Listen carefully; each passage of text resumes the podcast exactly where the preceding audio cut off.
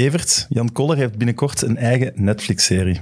Ja. Jan Koller, dat is, dat is zo dichtbij dat ik mij wel afvraag, hoezo zijn wij daar niet opgekomen om daar een Netflix-serie van te maken? Ik heb ooit eh, Jan Koller eh, te gast gehad in een van de documentaires die ik gemaakt heb voor Canvas. Toen is Cyril Cheffray, de eigenaar van de Frankie van der Elst Predators, op bezoek geweest bij Jan Koller in Monaco. En Hedvika. Dus het was, je wilt nu eigenlijk zeggen, het was zelfs nog dichterbij dan ik al dacht. Ik wil eigenlijk zeggen, Netflix heeft dat afgekeken van ons. MidMid, de voetbalpodcast van Friends of Sports en Play Sports. Welkom bij MidMid, de wekelijkse voetbalpodcast van Friends of Sports en Play Sports. Zoals iedere week met een special guest. En vandaag is dat Stijn Vreven. Hij was gekend als fanatieke verdediger met een staartje, won de Nederlandse beker met FC Utrecht en droeg twee keer het shirt van de Rode Duivels. Welkom Stijn. Dankjewel. Stijn, eh, wat vind je van de studio? Ik vind het een hele mooie studio. Ja? Absoluut. We hebben nieuwe camera's vandaag, dus ik weet niet één of ze... Het zijn geen nieuwe eigenlijk, het zijn die oude, weet je nog, die soms uitvielen. Die zouden gemaakt zijn. Ik heb het gevoel dat ze er niet veel aan gedaan hebben. Maar ze zouden gemaakt zijn, dus hopelijk houden ze het vol. Dus uw eerste vraag aan Stijn is eigenlijk eh vissen naar een compliment voor ons. Ja, het, het was zo mooi voor de, voor de uitzending. En nu Maar ik wil het graag nog eens herhalen. maar, eh, dat ik het een leuk programma vind, absoluut. Eh, super ja. Als jullie toch hengelen. Nee, nee, heb ik echt eh, spontaan gezegd dat ik het een leuk programma vind. eh, omdat eh, het gaat over eh, het menselijke achter de topsporter, achter de voetballer of achter de coach. En daar ben ik altijd in geïnteresseerd. Dus ik heb eh, zo goed als alle afleveringen gezien. Ah, wel, en toen, toen, Zo awkward nu. ja, maar toen, toen Stijn bevestigde dat hij wou komen, was ik ook direct enthousiast, want ik dacht, die past hier perfect. Dus ik ben zeer benieuwd. Dat is wel waar. Moest je, moest je trouwens van ver komen? Ja, van Limburg. Hasselt. Of Ver Hasselt, inderdaad. eh is natuurlijk niet ver eh, als je grotere afstanden gewoon bent. Maar Maar want we hadden het er net eh, voor de uitzending over. Het is de eerste keer, begin van het seizoen, dat je zonder job zit. Zowel als speler als als trainer. Klopt, eerste keer, eh, eerst 17 jaar als speler, elk seizoen eh, begonnen. En daarna 11 jaar als coach. Ook elk seizoen aan een voorbereiding begonnen. Nu voor de eerste keer niet. Dus dat is, dat is anders, dat is wennen. Dat is een nieuw gegeven, maar ik zeg eh, zelfreflectie en eh, herbronnen soms ook eens niet slecht. Dus 28 jaar lang heb jij in de zomer een voorbereiding gehad. Dan zet je nu drie maanden naar Ibiza geweest. Nee, ik ben niet zo'n eh, de Ibiza-man. eh. Nee? nee, absoluut zo niet. Jelleke, dat in Nee, nee, nee, toch niet. Ja, daar zullen we het vandaag nog wel eens over hebben. Hè. Vooroordelen zijn... eh, Het hier, ja, ja, ja, ja, klopt. eh, die kloppen niet altijd. nee. Maar verveelt je dan nu echt? Of valt dat wel mee? Nou, vervelen niet. Hè. Je gaat de andere dingen doen waar je normaal niet de tijd hebt. Ik ga jou niet lastigvallen met mijn huistuin en keuken. Dingetjes die ik nu Ja, daar thuis... gaat met met wel een beetje over, hè? Dus Ja, mag, ook. Maar goed, ik, ik, ik, ik ga natuurlijk ook herbronnen over het sportieve. En je gaat je, je, je, je filosofie van, van het technische en het tactische ga je eens eh, overlopen, verbeteren, herstructureren. Je gaat eh, nadenken over eh, trainingen, trainingen opmaken. Alles is, ja, Oké, toch? upda- updaten. Dus eh, dat is zeker niet slecht. Ja, wat ik me dan wel afvraag is, verandert je alles, hele filosofie in zo'n zomer? Stel je voor dat je daarvoor 4-3-3, dat je daar idolaat van bent, dat je nu zegt, oh wel, als ik nu nog eens een job heb, ik ga het helemaal anders doen, ik ga met drie van achter spelen. Nee, maar dat is, dat is eigenlijk wel een hele goede opmerking. Want eh, ik heb nu wel geleerd van, eh, door mijn laatste ervaring hè, met Trends in Slowakije, eh wou vernieuwend zijn voor de Slovaakse competitie. Een eigenaar, oud-international, oud-Ajax-speler, eh, wou dus altijd op voorhand al 4-3 spelen met hoog druk, eh, met volledige pressie, met dominant voetbal, eh, aanvallend voetbal, et Allemaal goed en wel, tot je tegen zo'n eigenaar eh, zegt wanneer je bezig bent. eh, maar ik vind het prima. Ik sta ook voor aanvallend voetbal, voor hoog druk, eh, voor dominant voetbal op de gegenpressing, en, en noem maar op. Maar heb je er al eens aan gedacht, als je die filosofie wilt spelen, bijvoorbeeld, dat je daar ook bepaalde profielen van spelers voor nodig hebt? Ja, dan zie je een eigenaar kijken en denken van, ja, eh, profielen, hoe bedoel je? Eh, bijvoorbeeld dat je niet bij een targetspits van 2 meter en 105 kilo, dat dat niet de dynamische eh, spits is, die als eerste vol druk gaat zetten op de centrale verdedigers. Dat je twee centrale verdedigers hebt die de, de, de, de draaicirkel van een stoomboot hebben en niet graag de middenlijn zien nog maar. Ja, dan ga je wel nadenken over, ja, de volgende club zou wel, de balans zou er wel moeten zijn tussen een goede filosofie hebben, uh, ja, en de profielen van spelers. En dat is toch wel belangrijk, want je gaat, uh, zoals Evert zegt, je gaat je je systeem is totaal niet belangrijk. Het is, uh, is uh, ondergeschikt aan uh, de spelers die je hebt. Dus je gaat eerst kijken naar de spelers die je hebt en dan ga je het systeem afstellen. Want als je nu 3-4-3 speelt of 3-5-2 of 4-3-3, tuurlijk heb je een voorkeur. Maar het gaat erom, vind ik, dat een goede coach kijkt naar de profielen, kijkt naar het materiaal en daar het systeem op aanpast. Hm. Ben ik helemaal mee eens. Ja, ik ook. Het is, maar het is wel iets wat ik nu merk met dat we zo met Mit hier aan het doen zijn en wel veel trainers hebben die al een race clubs hebben. En die voorzitters, die beginnen er toch maar precies altijd aan zonder echt een plan. Die doen dan alsof ze een plan hebben van die spelers of dat is het doel, maar ja, precies toch weinig visie of weinig visie die, die, die steek houdt of lang genoeg blijft. Valt toch echt op, op het hoogste niveau in België, hè? Stijn heeft toevallig wel bij een paar van die clubs gezeten. Hè? Ik noem Beveren op, Sint-Truiden op. Dat zijn nu clubs die soms elk jaar van idee veranderen. En elk jaar ook zelf de transfers willen bepalen. Dan heb ik het over het bestuur. Terwijl je dan een trainer hebt die daar dan mee moet gaan werken en daar niks over te zeggen had. Je ziet die problemen in Belgisch voetbal wel vaak terugkomen. Hm. Ja, want ik vind wel dat, dat clubs inderdaad. Eh, eh, er zijn wel een aantal clubs met, met een visie, met, uh, die over nadenken op welke manier wil hun, wil hun club voetballen. Alleen moet je ook altijd zorgen als, club zijnde dat je de tools, de handvaten geeft aan een trainer om een bepaald systeem te kunnen spelen. De huisstijl spelen van een club is absoluut niet belangrijk, maar het is wel het een of het ander. Hè. Of je zegt dit is de huisspeel en, huisstijl en je, je geeft de profiel van spelers om die huisstijl te spelen. Of je zegt, de, de, de trainer mag zijn eigen ding doen. Uh, wij geven de spelers en hij past zijn systeem daarop aan. Het is één van de twee. Maar als je één van de twee niet hebt, ja, dan kan je wel in de problemen komen als coach. Ik denk ook, zoveel ploegen zijn er toch niet met een, met een huisstijl. In Barcelona, Ajax, ja, Anderlicht, Bruggen is daar zelfs nu een beetje van afgestapt. Die spelen nu veel mooier dan wat ik zou hun huisstijl toedienen. Ja, toch? Ja, ik zeg vaak, de Brugge-goal, dat was voor mij net de lange bal, tweede bal doorkoppen en dan in de 16 meter veel volk en een goal proberen maken. En Anderlecht was combineren over de grond. Maar dat, dat is eigenlijk allemaal niet meer. Hè. Iedereen zoekt inderdaad naar wat op dat moment werkt met de spelers die je hebt. Wat je wel minder en minder ziet, is een trainer die carte blanche krijgt over alles. Een trainer die ook nog eens de transfers mee mag gaan bepalen. Dat zie je wel minder en minder en minder. En een trainer waar geduldig mee omgesprongen ja, wordt. Dat is zo. Maar dat is voetbal. Dat is het voetbal. Nee, dat is, dat is volledig weg in het voetbal. En dat is wel jammer, omdat je, je wordt op een gegeven moment ook wel coach om te laten zien, wanneer het minder gaat, dat jij dingen kan omdraaien.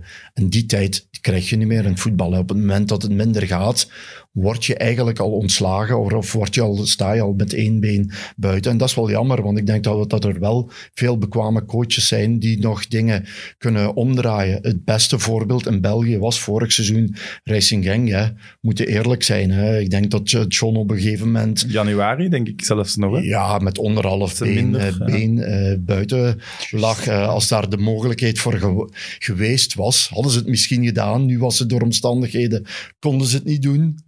Uh, ja, en hij, heeft het helemaal omgedraaid. En ik denk dat Genk een van de beste ploegen op dit moment in België is. Dus dat zegt eigenlijk genoeg. Dury ook een paar jaar geleden, denk ik twee jaar op rij, dat hem heel slecht start. En als hem dan niet een contract van, van tien jaar ooit had getekend, waardoor hem veel kostte om te ontslagen, gingen ze ook niet zoveel geduld ermee gehad Ja, maar ik bedoel, Mechelen al de 0 op 9 en plots werd er getwijfeld aan Wouter Franke. Ja, jongens, hallo. Wouter Franken is een van de beste coaches van KV Mechelen van de laatste twintig jaar. Ik had gehoord dat dat een amateur was. dat is wel eens mooi om terug te komen misschien. Ja, ja, ja. dat is nee, nee, ik, ah, Waar wilde beginnen? Ja, ik wil beginnen. Wij, wat, we hebben heel veel jongere luisteraars en kijkers die gaan, gaan u nooit gekend hebben als, uh, als speler. En ik heb een, een, een rare vergelijking binnengekregen van uh, Benson Proost. Die zei, is hij een beetje de Belgische Giovanni van Bronckhorst? Eén, het is al de verkeerde kant, denk ik. Maar ik, ik vond u ook niet het type Giovanni van Bronckhorst. Nee, dat is te veel eer voor mij, denk ik. Want Giovanni van Bronckhorst was, uh, ja, heeft zelfs bij Barcelona gespeeld. Ja, dan ben je... Nou, ik vond hem meer een sierlijke technische voetballer En ik was meer een... eh, Ja, verfijn, hij was toch verfijnder. hij was ik. zeker verfijnder. Ik was meer de, de mentaliteitsspeler die elke wedstrijd het gaatje opzocht en, en, eh, en de En limiet van, van, ja, ja, Ja, en het toch? limiet van het toelaatbare opzocht. Inderdaad, eh, ik moest het ook hebben van mijn passie, van mijn mentaliteit. eh. maar ik heb ook nooit gevoetbald eigenlijk om te laten zien van kijk hoe goed ik ben. Ik denk dat ik in C beter was dan menig eh, mens zou denken. Maar ik heb nooit gevoetbald om te laten zien eh, dat ik goed kon voetballen. Het ging mij enkel en alleen om het te winnen. Ja, en dan, dan word je ergens in een hokje geplaatst, ja. Ja. Er is een mooi woord voor. Hè. In Nederland gebruiken ze dan ook soms een rouwdouwer. Ja, klopt. Dus iemand- Staat hij niet hoger? Ja, dat kan, maar dat is toch vooral iemand die, die 100% overgave speelt.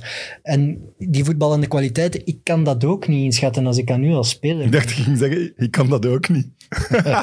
Ja, dat, dat ook. Dat is helemaal correct. Ik denk dat ik ook wel een type Stijn Vreven was als het over voetbal op het veld gaat, maar... Waar, Hoezo is het dat jij niet iemand durfde omhoog shotten zoals Stijn dat kon? Ik pakte wel niet zoveel kaarten, dat is waar, maar ik kon ook niet voetballen, dus ik had eigenlijk geen een van de twee. ja. Maar als, ik, als jij denkt van mijn voetballende kwaliteit, ik liet dat niet zien, ja, ik, overstapjes en zo, Nee. dat, Nee, dat deed ik ook niet. Maar ik, ik denk dat een, een grote kwaliteit van een voetballer is eh, je kwaliteiten kennen. En als je weet dat je geen drie man moet dribbelen, omdat je anders tegen een muur aanloopt, ja, dan deed ik dat niet. Eén, maximum twee, en dan een, een voorzet geven, ja, dat was mijn, dat was mijn stijl. En eh, ja, daardoor heb ik ook elk seizoen, denk ik, dat ik, zat ik tussen de vijf en de tien assists. Dus dat is, Dat is veel. je kan niet alleen lopen als je geen voorzet kunt geven. Dus eh, dat is absoluut wel, dat was echt wel mijn ding. En ik heb mij op de, mijn goede kwaliteiten, daar heb ik mij extra in verdiept en eh, daar heb ik geaccelereerd. En wat ik niet kon, dat deed ik dan ook niet. Heb, heb je altijd en overal rechtsbak gespeeld? Nee, want eh, ik denk dat eh, ik pas bij KV Mechelen als, als verdediger ben. Om, ik ben van Struiden, de jeugd, naar KV Mechelen jeugd gegaan. En toen hebben ze mij eigenlijk de eerste keer eerst nog linksachter, omdat ze daar niemand hadden en ik de twaalfde man was. En daar het jaar daarna dan als rechtsachter. Ja, en toen eh, is alles begonnen natuurlijk. eh Wie was dan de trainer die u voor het eerst... Fi- ja, de, nog altijd mijn god, eh Fivanov. Mooi. Evert, heb je hem weten debuteren voor KV Mechelen? Debuteren niet, nee, dat heb ik zo, maar ik heb hem wel nog in toen het... al, al acht ja, jaar acht, zo? negen jaar. Ja. Ik heb hem wel weten spelen achter de kazerne, ja. En toen al heel populair, hè. de man die desnoods over de reclameborden zou lopen om toch de bal binnen te houden. Hè. Dat is, maar dan is hem wel al buiten. ja, wel, maar dat is dan de, de gimmick. En dat is wel de, ja, toch de Stijn Vreven die blijven hangen is. Ehm, en natuurlijk het lange haar. Dat maakt hem natuurlijk heel, ja, voor de fans heel herkenbaar. Hè. Iedereen weet wie Stijn Vreven is, ook al was het maar een rechtsachter. Er zijn heel veel rechtsachters die vergeten zijn in de geschiedenis, maar Stijn niet. Dus dat heeft toch met het uiterlijk te maken. Deed je het daarom ook? Nee, dat is ook wel een speciaal verhaal. Ik, ik, het, het lange haar is... Daar, ik heb toen, een, een, toen ik bij Mechelen begon, een opmerking gekregen van een voormalig eh, voorzitter met de naam ontgaat mij nu. eh, Willy Dussaar. ja, Willy Dussard. Dit kan niet. Ja, Oh, ja. dat hij vond- Mensen gaan beginnen denken Ja. dat het ingestudeerd is.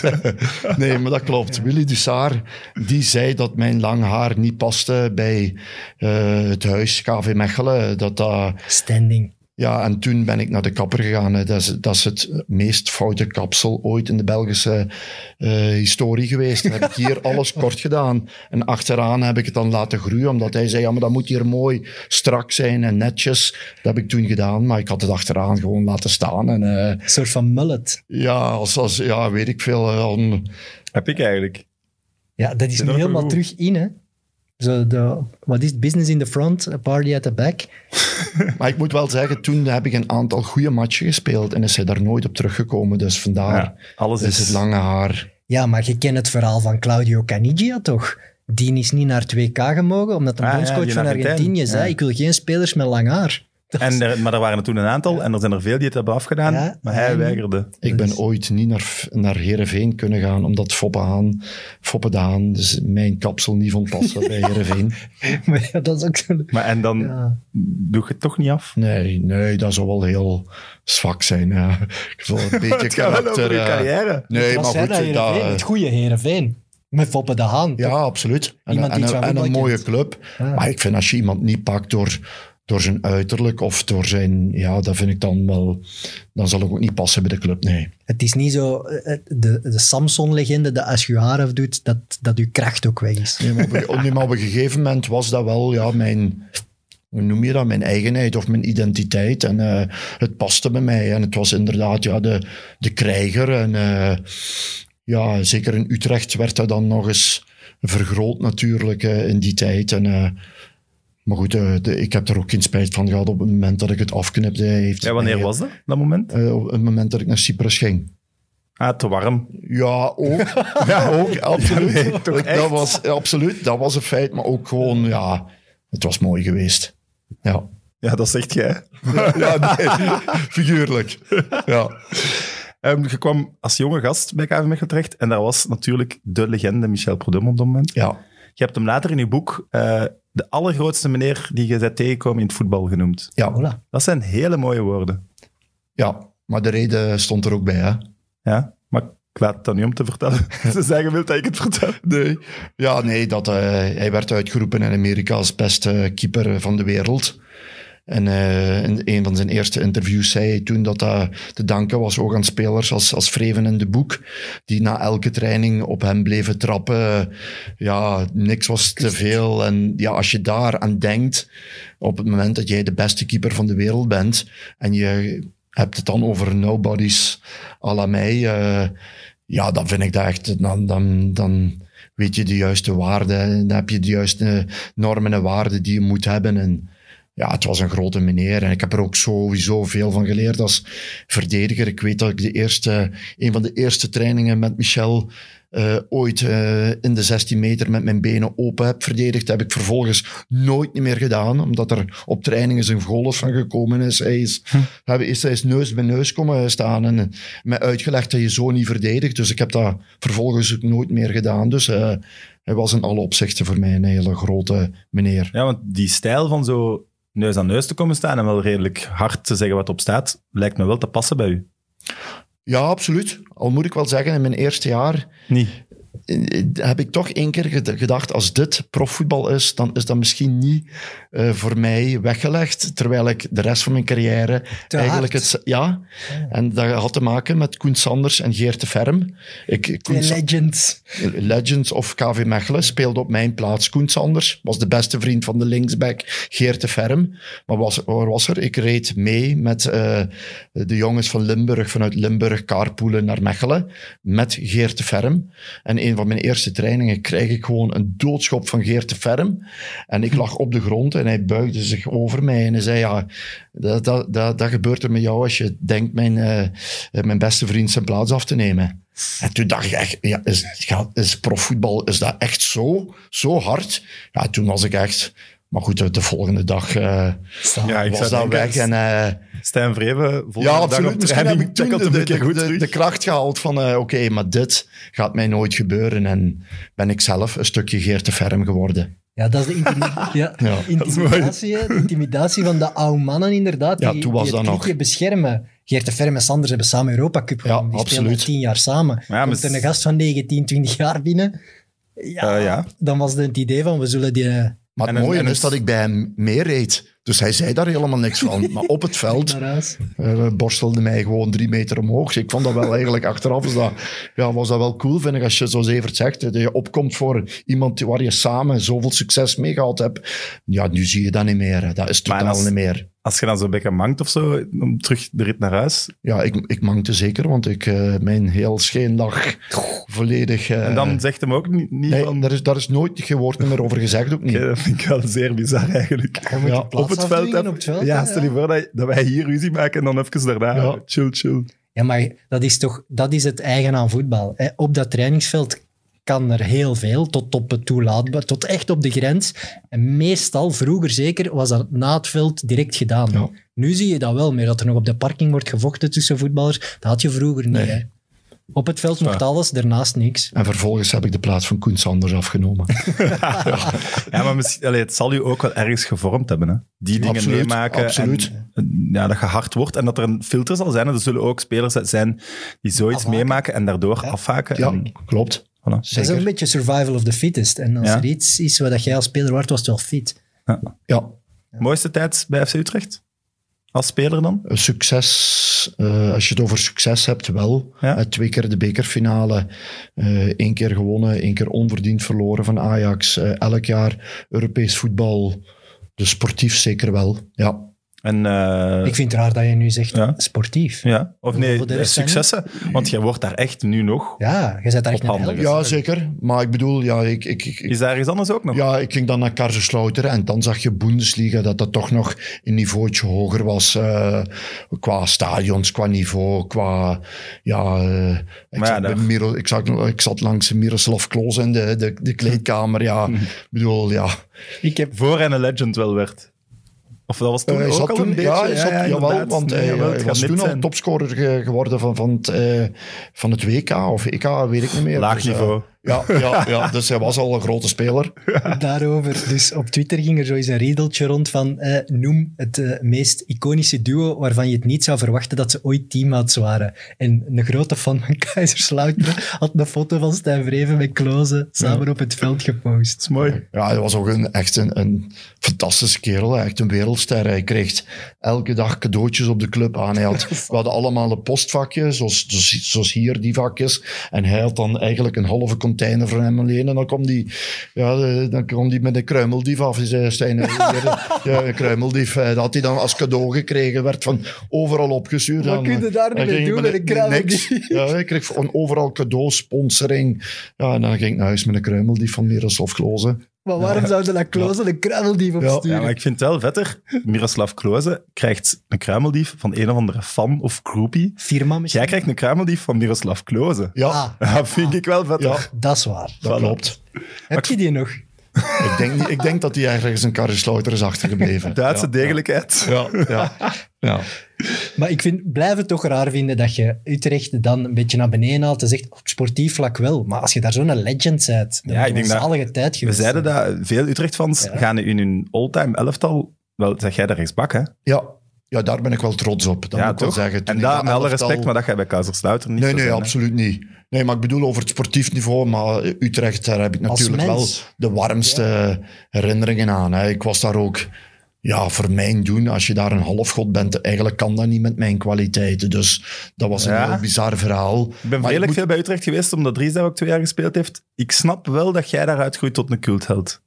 Want ze houden wel van een speler die er vol in vliegt. Ja, met verhaal is ook natuurlijk toen ik aankwam, hadden ze tien jaar geen Europees voetbal gespeeld.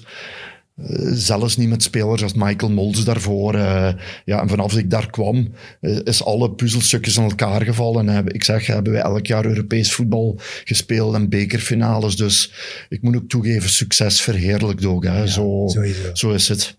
Ja, voilà. Ene, ene prijs gewonnen, Ja, de beker toen. Jij hebt de bekerfinale opgezocht. Ja, was ik- toch redelijk opmerkelijk dat jullie die konden winnen. ja 4-1 tegen eh, een heel, heel sterk Feyenoord. Het Feyenoord dat de UEFA Cup eigenlijk had gewonnen, was dat Feyenoord. Was Absoluut. het jaar En- ervoor dat ze de UEFA Cup winnen? ja. ja klopt. 4-1. Ja, was met, met Bosveld, Van Hooijdonk, eh, Buffel, De jongen eh, van Persie, eh, noem maar op. Ja, Zeg en ik? in hun eigen stadion. En Ja. wij waren eigenlijk Ja, de, in de thui- Cup, ja. wij waren de thuisploeg. En zij vroegen, mogen wij in onze kleedkamer blijven? En ons bestuur van Utrecht had dat goedgekeurd, terwijl wij eigenlijk verbolgen waren. Wij Ja. mochten eigenlijk in hun kleedkamer, hè, Zalig. om een beetje voordeel af te nemen. Ja. En alsnog, zoals Evert zegt, ja, wij hebben een daar ja, een walkover eh 4-1. eh, ja, Was dat dan zo- zo'n dag waar alles mee zat? Ja, wij waren zo getergd van het jaar ervoor. Hè, met die golden goal van Ibrahimovic. eh, eerst Wamberto in de extra time. Dat was die buitenspel. Een buitenspel. eh, dan Ibrahimovic in de, in de sudden death was het toen golden goal. eh, ja, zo onterecht. Dus wij stonden daar. Wij konden die dag niet verliezen. Absoluut niet. Die goal van Wamberto van het jaar ervoor, die wordt nog altijd aangehaald over waarom er een VAR moet zijn. Dat is die goal. Hè. Ja, die stond drie absurd, meter buitenspel, tikt hem ja. binnen gelijk en ze winnen nog. Ajax. Zou jij dat als trainer toestaan? Het kleedkamerverhaal. Je neemt toch altijd die, die een kleedkamer? Dat lijkt mij al een overwinning op zich. Of misschien triggert je ze daar, Oh, ik vind dat ook. gevaarlijk. Ik vind dat gevaarlijk. Eén ploeg als Feyenoord met de Kuip en dat wordt dan op voorhand in de pers gelekt dat Utrecht die kleedkamer niet wil afgeven. Oeh, dan staat het Maar ja, in niet brand. wil hè. afgeven. Het wij hadden het recht op die kleedkamer, Ja, omdat het was. Ja, maar Utrecht die fan- Feyenoord. Daar gaan die fans zo niet Nee, nee, hè. absoluut niet. eh, goed. Maar de vraag is, ga je daar... Ja, ik, ik vind, ja, daar zullen we het dadelijk ook nog wel eens even... Soms moet je psychologische spelletjes moet je wel eens durven spelen, vind ik, als coach, als spelersgroep. Je, dat hangt van, van het moment af. Jij wou gewoon eens die kleedkamer zien. Ook, want ja, het is toch een mythestadion, absoluut. eh, Ja, ja, ja, ja. zeker. Maar Als je dan wint, zouden die, ja, dan kunnen die nog wat trashen ook en zo. Ik snap dat dat... Zo, die sterren, gelijk een Van Hooijdonk en eh, Van Persie en een Kalou. Ja, ik vind dat... Ik snap Ja, een dat die kleedkamer trashen vind ik wel... Het zijn niet de spelers die dat gaan opkuisen daarna. Dus dat is, maar misschien motiveert je ze wel inderdaad door, door Maar ze te die, wisselen. Hè? na die Ja. 4-1 heb je dat toch wel in hun gezicht geduwd. Nou, ik, ik denk niet dat wij nog iets in hun gezicht hadden moeten duwen, want daar was... Nee, bier in eigen gezicht. De deceptie was heel groot natuurlijk. Hè. In eigen huis, eh, volle kuip. eh, ja, dan zo afgaan als Feyenoord zijnde. Ja, alles was gezegd daarmee. En stond je tegen Van Persie of tegen Kalou? Of? Ik stond tegen Van Persie aan. Buffel, nee. Eh, Buffel was er ook nog op 10 dan. Ja. Hoeveel was er als op En tien? dat was Ja, de ontbolstering van Buffel. Hè? ja. Toch? een hele goede Je buffel. kunt achteraf ja, ja. toch blijven op je palmarès zeggen dat je Van Persie gewoon van de mat hebt geveegd. Letterlijk in Stijn's geval. Ja, ja, absoluut. Nou, ik denk dat Van Persie met al, eh, alle respect voor, eh, niet graag tegen mij speelde. Dat Nee, denk ik ook Ik niet. denk het ook niet. Nee. Maar Kaiserslautern dan, daar speelt je niet veel. Mogen we dat zeggen? Ja, zeker. Waarom niet daar nog eens langer gebleven? Want na één seizoen al vertrekken is... Ja, dat was ook, eh, daar heb ik ook echt ehm, kennis gemaakt met de wetten van, van echt voetbal op het hoogste niveau. Want ik werd gehaald door Erik Gerrits, eh, Ja. mijn idool. Eh, maar goed, Erik werd er al uitgegooid na tien speeldagen, denk ik.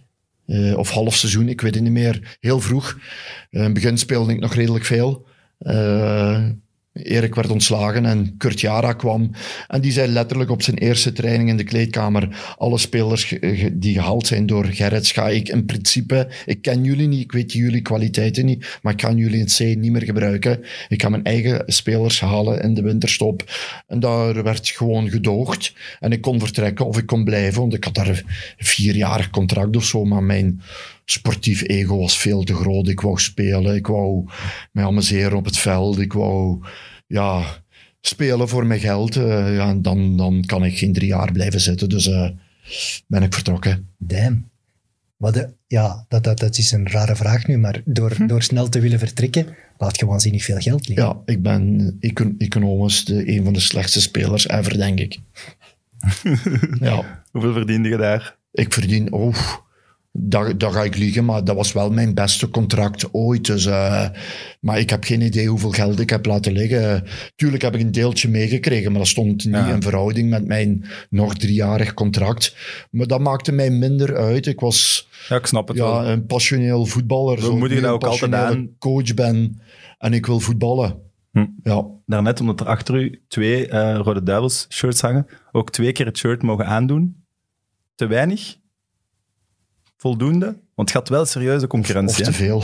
ja, absoluut. Ik Te had, veel? eh, nou, dat weet ik niet. Ik denk dat... eh, ik zie het zo... eh, in mijn tijd, en dat meen ik echt... was het echt nog Franstalig en Nederlandstalig Vlaams. Daar horen we ook wel Ja, vaak over. Wij hadden echt nog twee tafels exact met tien Vlamingen en tien Walen als wij aten. Dat was echt bizar. Dat kan je nu helemaal niet meer indenken. Dus, en ik, Dat kan mijn- niet goed zijn, toch? Nee, en mijn concurrenten waren Franstaligen, de Vlaanderen, Genot, noem maar op. Eh, Dus ja, dat was een moeilijkheid. Maar bijvoorbeeld als Wijle Wilfried van Moer langer bondscoach was geweest, ben ik er zeker van dat ik meer interlands had. Dus omdat Robert Wassage een Waalse trainer was. Dat ga ik niet zeggen, maar die was, zijn voorkeur was wel ja, voor... De Vlaanderen heeft... Absoluut, de eh, Vlaanderen, toen, ja. Twee goede shotters Ja, ook wel. Absoluut, niet- absoluut. ja. De toppers als rechtsachter. Dus eh, de concurrentie was toen al groot. Maar goed, ik ben blij dat ik ooit international, international ben geweest. Dus eh, daar heb ik heel hard moeten voor, voor werken. En wat mooi is ook, ik denk dat ik drie of vier keer ben opgeroepen en twee keer gespeeld.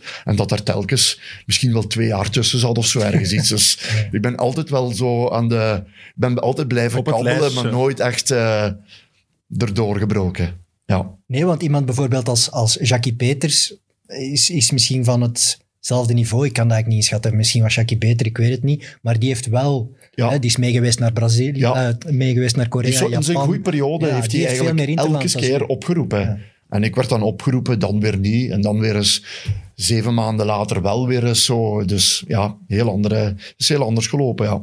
Ja.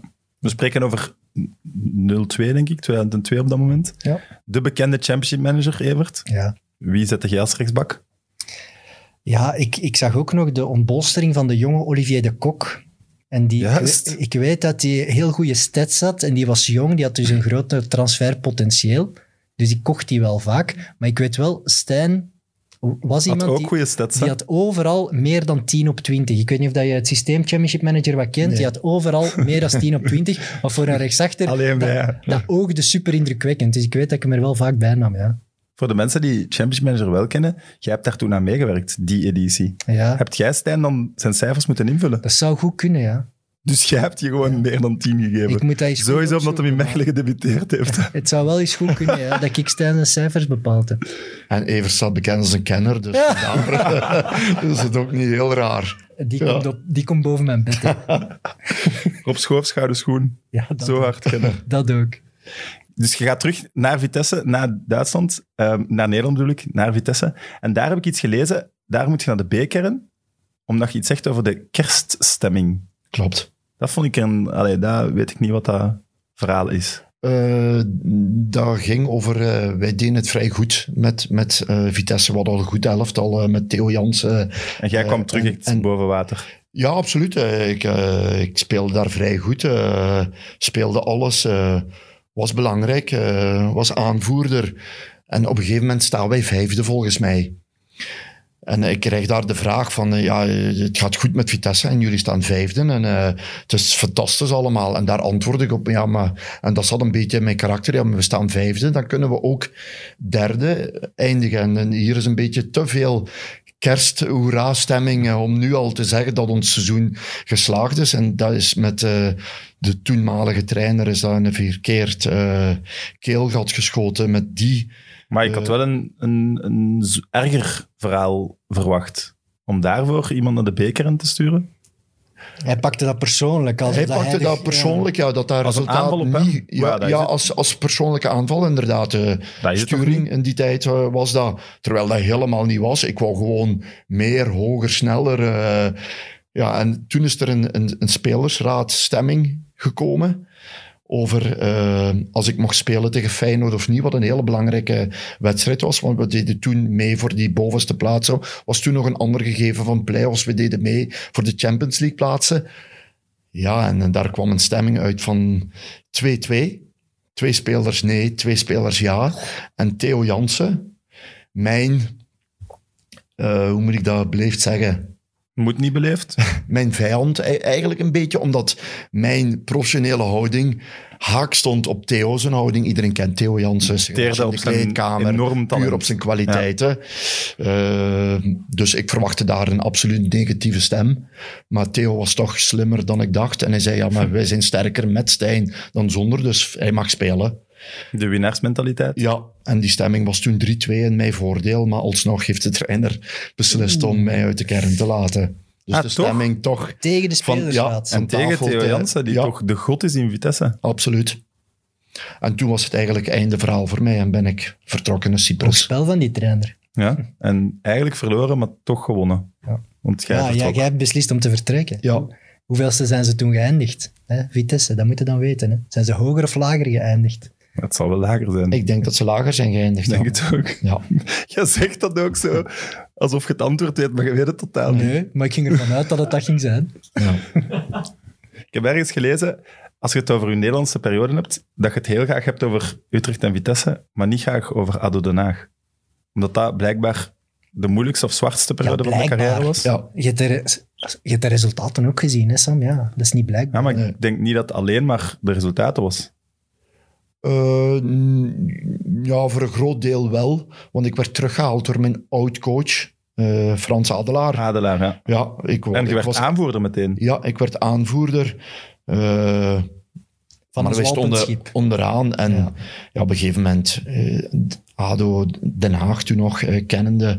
Ja, wij hadden drie keer per week supporters op de training. eh een van de wedstrijden zijn supporters op het veld gekomen. Hebben ze eh, Adelaar belaagd. eh, hebben daar met twee man voor gestaan om ja, toch, toch half crazy guys eh, van hem af te houden. half crazy. Ja, Crazy guys. Dus Zeg maar gewoon crazy crazy, guys, guys, ja, absoluut.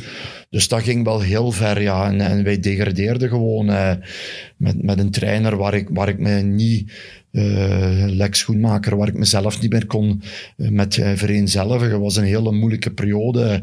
Ja, ik kreeg diabetes in dat jaar. Dat vroeg ik me af, was het daar of was het bij Sint-Truiden? Ja, nee, nee, het was daar. Het was daar. Ja, en ik had een aantal symptomen wat ik dan aangaf aan onze clubdokter. En die zei, ga maar naar het ziekenhuis, want je hebt suiker. En daar gekomen, testen gedaan. En inderdaad, ik had suiker, wat eigenlijk tot vandaag de dag niemand kan verklaren. Want ik heb type 1, wat normaal erfelijk is bij de geboorte. En ik krijg dat op mijn 34ste. Dus eh, Niemand kan dat verklaren, want, Nee. ik heb wel gelezen dat dat veel te maken had met stress dat Ze- had over het- de voetbalwereld. Het enigste wat ze kunnen aangeven is dat het zou komen door jaren onderliggende stress, wat je zelf niet voelt of uit, waar je eh, geen last van hebt, maar wat wel in je lichaam zit. eh. en op een gegeven moment eh, ja, is dat een explode en, en komt het, breekt dat door en, en heb je het zitten. Als er zelfs nog maar de optie is dat dat van de stress van het voetbal is, dat je wel beslist om nog trainer te worden. Ja, wat volgens mij nog een stresserendere Ja, functie is maar dan speler. normaal, ik, ik, heb, ik, ik ervaar nooit stress dat het voor mijzelf negatief wordt. Het is nooit dat ik ga shaken of bibberen of eh, depressief word of whatever. Nee, ik, ik, ik mis de gezonde stress van nu. Volle stadions eh, waar veel druk op staat. Eh, voor die match heb ik altijd geleefd als speler en als coach. En dat doe ik eigenlijk nog. Dus het is juist iets wat, ik, wat mijn lichaam nodig heeft. Wat toen eigenlijk, ja, verkeerd is gegaan. Dus nee, ik, ik zoek het eh, eigenlijk zelf op. En ik heb het ooit ook eens gezegd, en dat meen ik ook. eh, ik hoop een mooie dood voor mij zou ooit zijn op een voetbalveld. Een volle emotie, een volle strijd. eh, ja, dat, dat, dat lijkt me prima. Ja. Ja, mooi. Ja, dat, dat, voetbalhart, ik, ik heb dat ook, maar dan als, als toeschouwer. Hè. Dus Als leek. Ja, dat is natuurlijk... Hij heeft erop gestaan. Ik denk dat dat dan nog zoveel groter is. Als je er een deel van kan uitmaken, van winst of verlies. Het is ook die titel van je biografie, is ook zo pure haat, pure liefde. Ik vind dat wel een zeer harde titel. Dat is mijn relatie. Zoals zoveel. Knippen, hè. Dat gaat ze niet graag horen, ze maat. Nee, maar het past Maar die wel bij luistert mij, niet ja. zo ver. Het Nee. past wel bij mij, omdat er, er is geen grijs bij mij. Wat ik soms wel jammer vind. Iedereen heeft sowieso een mening over mij. Eh, en die is wit of zwart. Of je vindt mij geweldig, of je vindt mij helemaal niks. Er, zijn weinig mensen die zeggen, ja, eh, het doet me niks, of het interesseert me niet, of ik heb er geen mening over. Nee, is dus door wat mensen zien. En dat is vooral on the pitch. in een, hoe ik doe als coach, hoe ik doe eh, in persconferentie of een training of whatever. Maar daarnaast, Maar wil je daar dan niet net vanaf om je trainerscarrière op te kunnen bouwen? Heb je dan niet schrik van, ja, dit gaat tegen mij werken en dan een biografie die titel geven? is wel gevaarlijk. Nee? Want pure haat, pure liefde komt wel hard binnen als je denkt, oei, ja, moeten we Stijn wel maar ik denk dat het hetzelfde is voor clubs die mij pakken als coach. Hè. Of je vindt mij gewoon eh, geweldig eh, en je denkt, eh, bij die man kunnen wij promoveren. Die kan doen eh, met onze club wat, waar wij naar streven, naar, naar, naar, naar wat onze normen zijn. Of je neemt me niet om een andere kant van mij.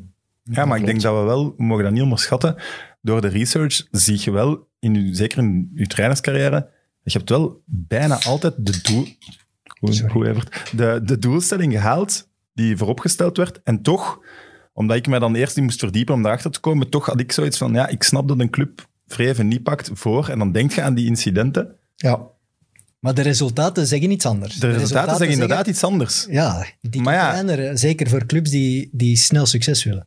Maar de resultaten heb je minder in de hand dan, ja, zou zeggen, uw gedrag, maar dat vind ik dan ook weer Ja. niet, niet juist. Want als je de incidenten bekijkt, we zullen ze misschien gewoon bespreken, ja, ik vind dat hij nog wel regel, regelmatig Ja, gelijk heeft. Ja, sorry. Met Alain Konings, Ja, de persconferentie. Misschien moet jij even uitleggen wat daar gebeurt voor de mensen die dat niet gezien hebben. Maar Sint-Truiden en eh, Lommel United op dat moment zitten in een titelrace in tweede klasse. En Sint-Truiden Stijn was- is, Stijn is trainer bij Lommel United. En Sint-Truiden is grote topfavoriet, full profkern, toen in het, nog het oude systeem in tweede klasse. En moet eigenlijk los als op kop kampioen spelen. Maar Lommel komt vrij dicht. En een van de laatste wedstrijden is Sint-Truiden al kampioen en komt Lommel op bezoek. Maar terwijl, we moeten er wel bij zeggen, wel de verdiensten van Lommel. Niet dat Sint-Truiden aan het was, of Sint-Truiden Nee, ging, nee. er- ging Lommel echt speelde vol boven, alle punten ja, pakken, maar. Lommel deed gewoon speelt mee. boven Ja, verwachting zo was het, hè, heel ja. goed. Met Tot de voorlaatste speeldag. Voilà. Voilà. De- Ze gaan op bezoek in Staaien.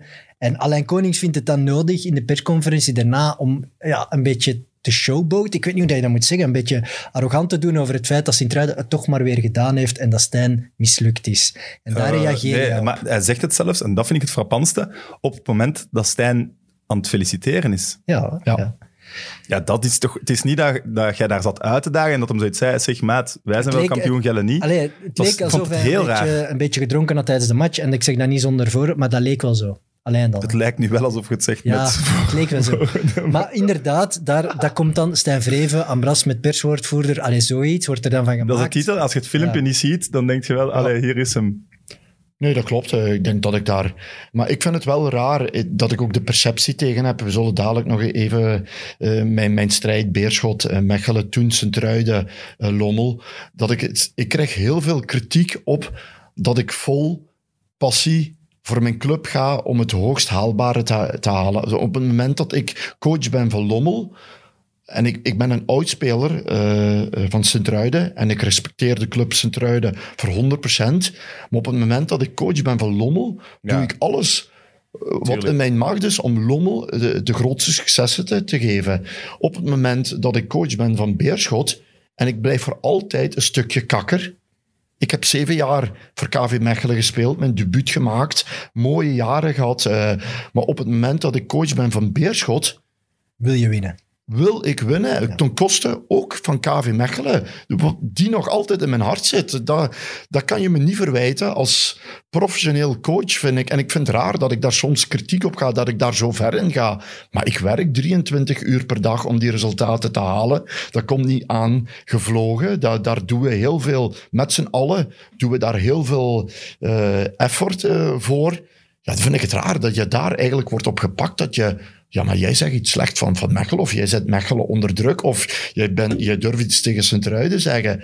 Het is mijn job om alles te doen om de, om de club te geven waar ik voor Ja. werk wat- en betaald Wat word. was er bij dat, bij dat geval van Alain Konings? Was er een, een aanleiding in de week erop? Had hij Nee, ik, ik, ik had Sint-Truiden zenuwachtig gemaakt, zo gezegd, eh, door uitspraken. Maar ze worden zenuwachtig in Sint-Truiden. Maar wat, wat gebeurde er? Sint-Truiden ging zich volledig richten op de persoon Stijn Vreven en niet meer op mijn ploeg. Mijn ploeg kon in alle rust voorbereiden op de wedstrijden. We wonnen onze wedstrijden, die werden volledig links gelaten. En het was alleen maar op en Vreven dit en Vreven dat. En ik had hun eigenlijk waar ik ze wou. En zij werden zenuwachtiger en zenuwachtiger. Ja, tot de voorlaatste speeldag. Wij verloren thuis van, van Eupen en, en zij de drie punten pakten en dat ze kampioen waren. En dan is het voor mij ook afgesloten. wilden nog eens en dan zeg ik, ja, ja, en dan ja. wilden zij nog eens Ja. de, de puntjes op de i zetten. Maar voor mij was het toen, toen over. Ja, oké, sportief, hand gegeven en het was klaar. Ja. En dat was hetzelfde verhaal in mijn tijd met, met Beerschot en Mechelen. Ja, het is daar, de, de, de KV Mechelen-fans gaan natuurlijk altijd het woord amateur ophalen dat je hebt geroepen. Naar Maar Wouter ook daar weer. Sorry. Wouter Vanke zit daar. Mag zijn parley doen. Wordt gerespecteerd. De woord gaat naar Stijn. En Wouter zegt, Ja, ik ben weg. Ik heb nog een andere match voor te bereiden. ja, ik wil die nuance Is- nu wel voor eens en altijd uit de wereld helpen. Ik heb hem amateur genoemd op zijn actie. Natuurlijk is Wouter Franke voor mij geen amateur. Nee, maar ik- snap- hij ik- doet het ja. perfect. is een goede coach. eh, geen enkel slecht woord. Maar op dat moment, ik vind het, en dat, dat is persoonlijk, het is not done om als coach van de tegenpartij weg te gaan als de andere zijn zeg je nog niet heeft gedaan. Dat doe je gewoon niet. Ja. Ik, ik weet dat Wouter heel kwaad was op Beerschot, op de voorzitter, want de voorzitter had gezegd, wij gaan sowieso promoveren. Ja. Als het nu op de pitch is of off the pitch, wij gaan promoveren.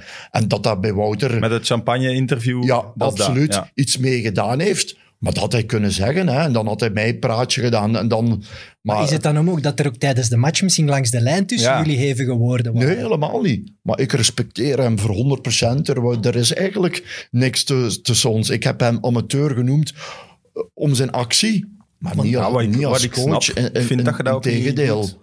Nee, maar je weet, het, het, Maar het is misschien moment dat je wat het hij kon doen. Nee, maar- Als reactie op de voorzitter was misschien het enigste dat hij kon doen, dat.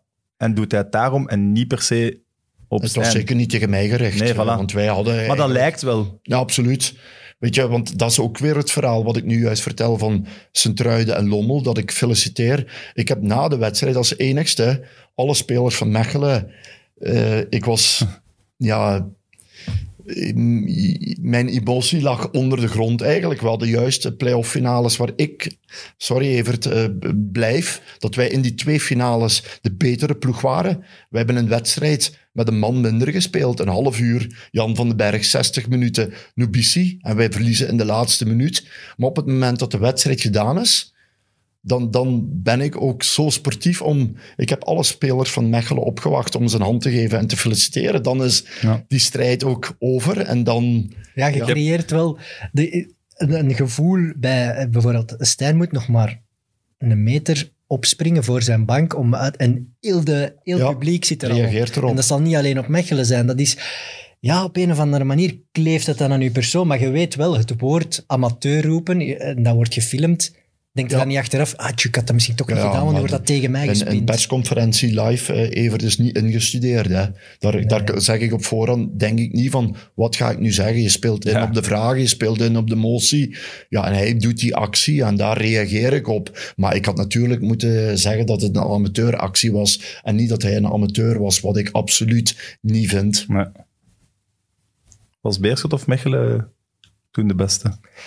Ja, ik, ik, ik weet nog wel, ik vond die eerste wedstrijd op Beerschot, had dat Mechelen zeker al golen kunnen maken. Alleen ja, dat is wel, de keeper Verrips toen, die speelde een weergaloze twee wedstrijden. Die heeft daar ballen uitgehaald. Ik denk nog van Van Nifte. Allee, ik denk dat het heel, heel, heel close 50-50 was.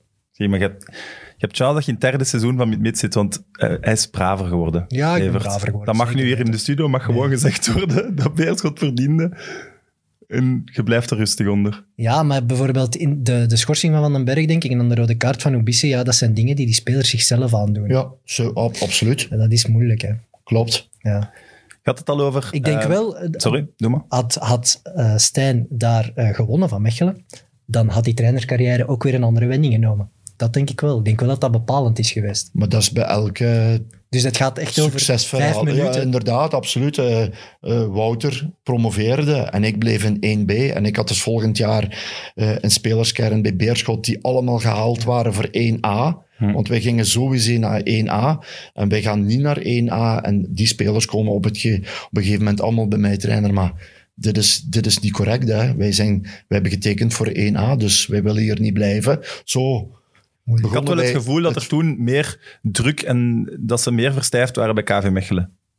Dat de druk toen nog meer bij KV Mechelen was Sowieso, omdat Beerschot had, had, had de, de, hoe zeg je dat, hè, de val, een tweede plan, namelijk eh, proper handen nog moest uitgesproken worden. Ja, en dat is dan in die bizarre omstandigheden uitgedraaid dat KV Mechelen wel mocht overgaan.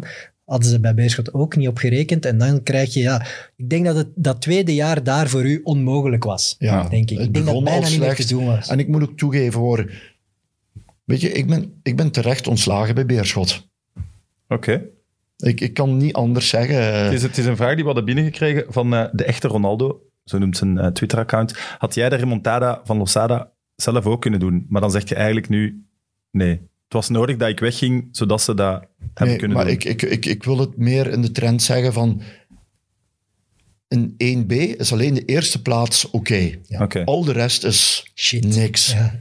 Dus op het moment dat ik vierde sta bij Beerschot, is dat niet goed genoeg voor Beerschot. Hadden ze mij meer tijd gegeven, want het, ja, het jaar daarvoor hebben we ook de tweede periode alles gewonnen, niet verloren, eh, een unieke reeks neergezet en de play-off finales gehaald. Dat is een ander ding. Maar op dat moment ben ik niet verbolgen van wat durft Beerschot mij ontslaan. Helemaal niet. Bij Bever is een heel ander geval. Ja. Daar was ik wel verbolgen. Wij stonden dertiende. En twaalfde, het seizoen ervoor, is nog altijd het beste resultaat ooit sinds de fusie. Als je me dan ontslaat op het moment dat wij dertiende staan en wij 0-0 spelen tegen Eupen, ja, dan vind ik dat onterecht. Maar bij Beerschot is een heel ander verhaal. Dus elk ontslag, elk succes, ja... Dus Wouter ging naar 1A en ik bleef in 1B met een spelersgroep waar alle nieuwe spelers hadden getekend voor 1A. Ja. Holzhauser, noem ze maar op, allemaal die spelers. Die een paar maanden nodig hadden om zich daar toch over te zetten over dat moment. Wat ik ook begrijp. Die emoties zijn zo groot en die terugval is zo groot. Maar wel opvallend is, eh, iemand zei dat ook op Twitter, de figuur van Tissou Dali. Je gebruikte die niet veel, hè? Terwijl als je nu ziet, wauw, dat is een ontbolstering. Nou, Losada heeft hij ook nog even niet gebruikt. Hè? Ja, Nee, in het begin speelde hij ook niet bij Losada. Maar ik, wij hebben eh Tarek gehaald als linksbuiten. Sowieso. Eh, Tarek moest... eh, wij hebben, ik praat met alle spelers. Welke posities kan je invullen? Wat zijn je favoriete posities? Kan je maar één positie? Voor Tarek was dat alleen maar elf.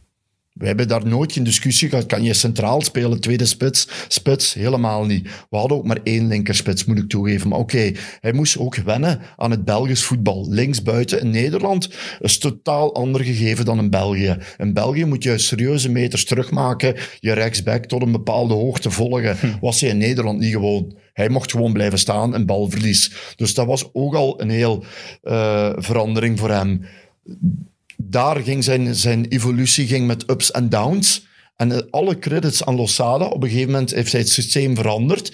Heeft hem in de spits gezet. En wat is Tarek zijn sterkte? Is de 1 tegen 1 duels in de 16 meter. Is hij fantastisch. Maar hij is misschien Dus- op dit moment de- de beste tweede spits van België. Heb jij dan spijt dat je die vondst, om Tarek inderdaad als, als lopende man rond een spits, dan niet te doen, niet, niet gezien te hebben? Ja, Ja, absoluut. ja. Want als hij nu...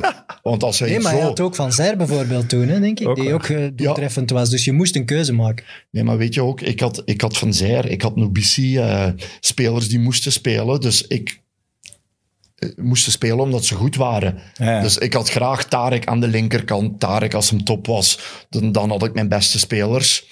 Ik ging Van Zijr niet uit de ploeg zetten om Tissoudali centraal te zetten. Nubici was Nee. toen... Ik denk dat Nubici zijn beste seizoen heeft gehad onder mij dat jaar. 100%. Dus, eh, maar alle credits nogmaals aan, aan, aan, aan eh, Hernan kwam daar om wel- hem centraal te zetten. Je kwam daar wel aan en er waren negen assistenten. Ja, Dat is zeer opmerkelijk. Is dat ook niet als trainer raar? Is dat niet een beetje te veel van het Ja. goede? Ja. Want het zijn wel trainers.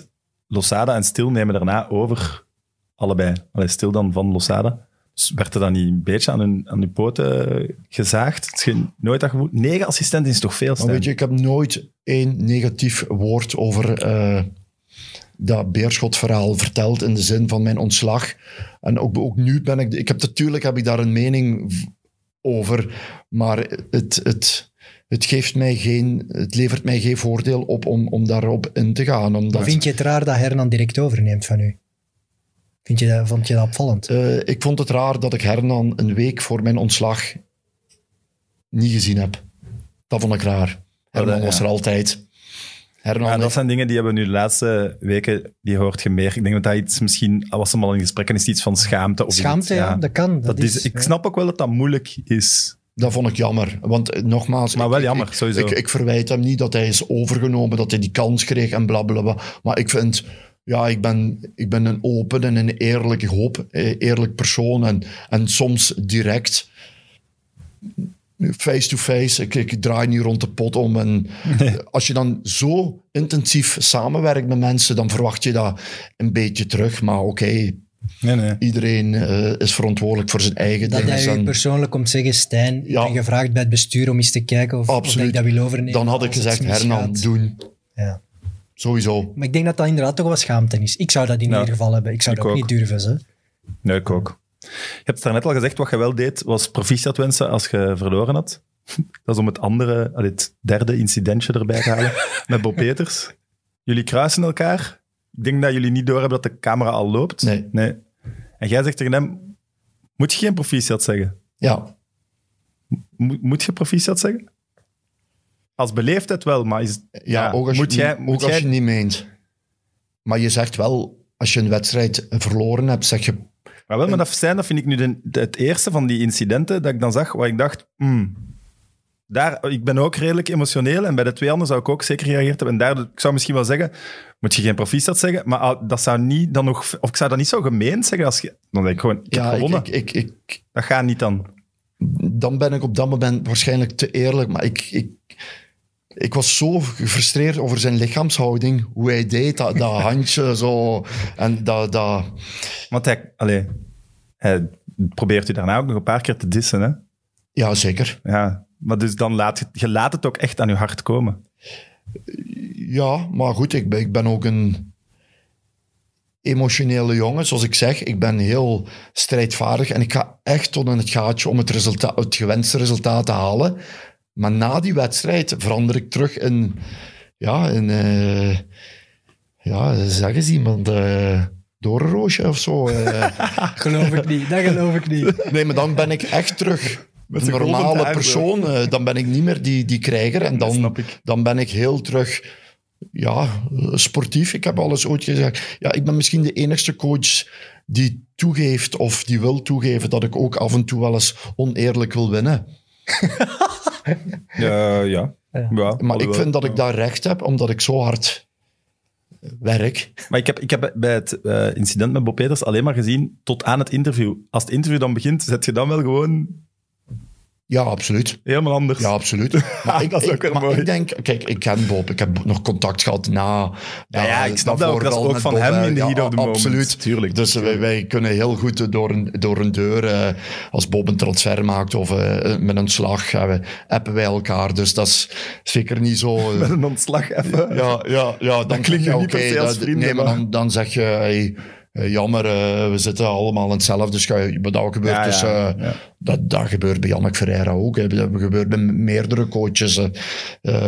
maar op dat moment ben ik gewoon eerlijk, mens tot mens, zonder de camera. Wat ik dacht, hey Bob, doe eens niet een ozel. Ja, je bent mij toch, je zegt toch proficiat. Niet meer, niet minder. Ja, als er een camera op staat, krijgt dat een heel ander facet en wordt dat door andere ogen bekeken en geanalyseerd. En, en lijkt het alsof jullie een supergrote veten hebben? Absoluut, wat totaal niet zo is. Maar jij als, als winnaar, en moet ja. toch ook beseffen, waardig verliezen in alle omstandigheden, je cool behouden en inderdaad dat kunnen plaatsen meteen aan de match, dat is heel moeilijk. Ja. Dat je dan af en toe nog altijd in die heat of the moment zit na een nederlaag en zoiets van verdomme, die vuile vreven heeft mij hier gepakt. Ja. Dat, dat begrijp jij toch ook? Absoluut. Ik heb dat ook. Soms dat ik na een nederlaag... Allee, moet ik niemand zien of horen. Ze, nee, dan en waardig nee, verliezen, Evert, bestaat zelfs niet. Hè. Je kan niet waardig verliezen. dat is moeilijk. Verliezen is nooit waardig. Ja, wat, toen jij bij Lommel zat en Sintra de proficiat wenste met de titel, waardig verloren. Ja, maar ik dacht wel iets anders. Hè. ja, tuurlijk. Ik, ik wou kampioen spelen. Ik baalde me kapot. Maar je moet wel zo sportief zijn om als de ander het haalt. Ik vind je een mooie zo sportief zijn. Maar mijn sportief ego is te groot om blij te zijn met de tweede plaats. Ook was het tussen niet-amateurs en profs. Natuurlijk. Absoluut. Proficiat en dan zo. Vuile, vuile Fuck you, jongen. nee, maar goed. Je... je, je je zit op een professionele basis bezig om, om resultaten ja. te halen. Hey, het is topsport, je wilt winnen. Ik las uh, als trainer van NAC Breda een keer zes wedstrijden uh, geschorst, drie keer in één seizoen naar de tribune gestuurd. Ja, dat was dat is toch ook te veel? Ja, dat is te veel. Hè? Dat, is, dat, is, dat achtervolgt mij nog in Nederland. Dat is dom geweest, dat seizoen. Absoluut. En dan deed je dat dan wel, want ik heb wel vaak het gevoel, bijvoorbeeld bij een Mourinho, die ook wel eens, dat dat is om de spelers op het veld even wakker te krijgen bij u denk ik dat dat eerder echt vanuit een eigen gevoel kwam. Ja, absoluut. Of, of mijn, mijn winnaarsdrang. Maar, maar als je was dat dan omdat je niet veel won? Of? Ja, heb je toch uh, Jawel, want wij hebben natuurlijk het eerste jaar bij NAC zijn we gepromoveerd. Ja. En het tweede jaar zijn wij er vlot in gebleven met de jongste kern van de eredivisie. Dus dat was het niet. Maar dus ik waarom? Denk, ik, ik ah, denk ook dat ik tegen Ajax kan winnen. Terwijl ik eigenlijk weet... Maar hebben, dat wordt lastig. hebben die Hollandse scheidsrechters misschien een vooringenomenheid tegen ja. zo de Vlaamse brulaap? Ik wou net zeggen, de, de, de, de scheidsrechters in Nederland zijn wel sterren. Of dat willen ze zijn. Ze, uh, ze, ja, ze, ja, ze zitten in programma's, ja, ze hebben een mening, ze, ze, staan graag voor de camera, ze worden graag gezien.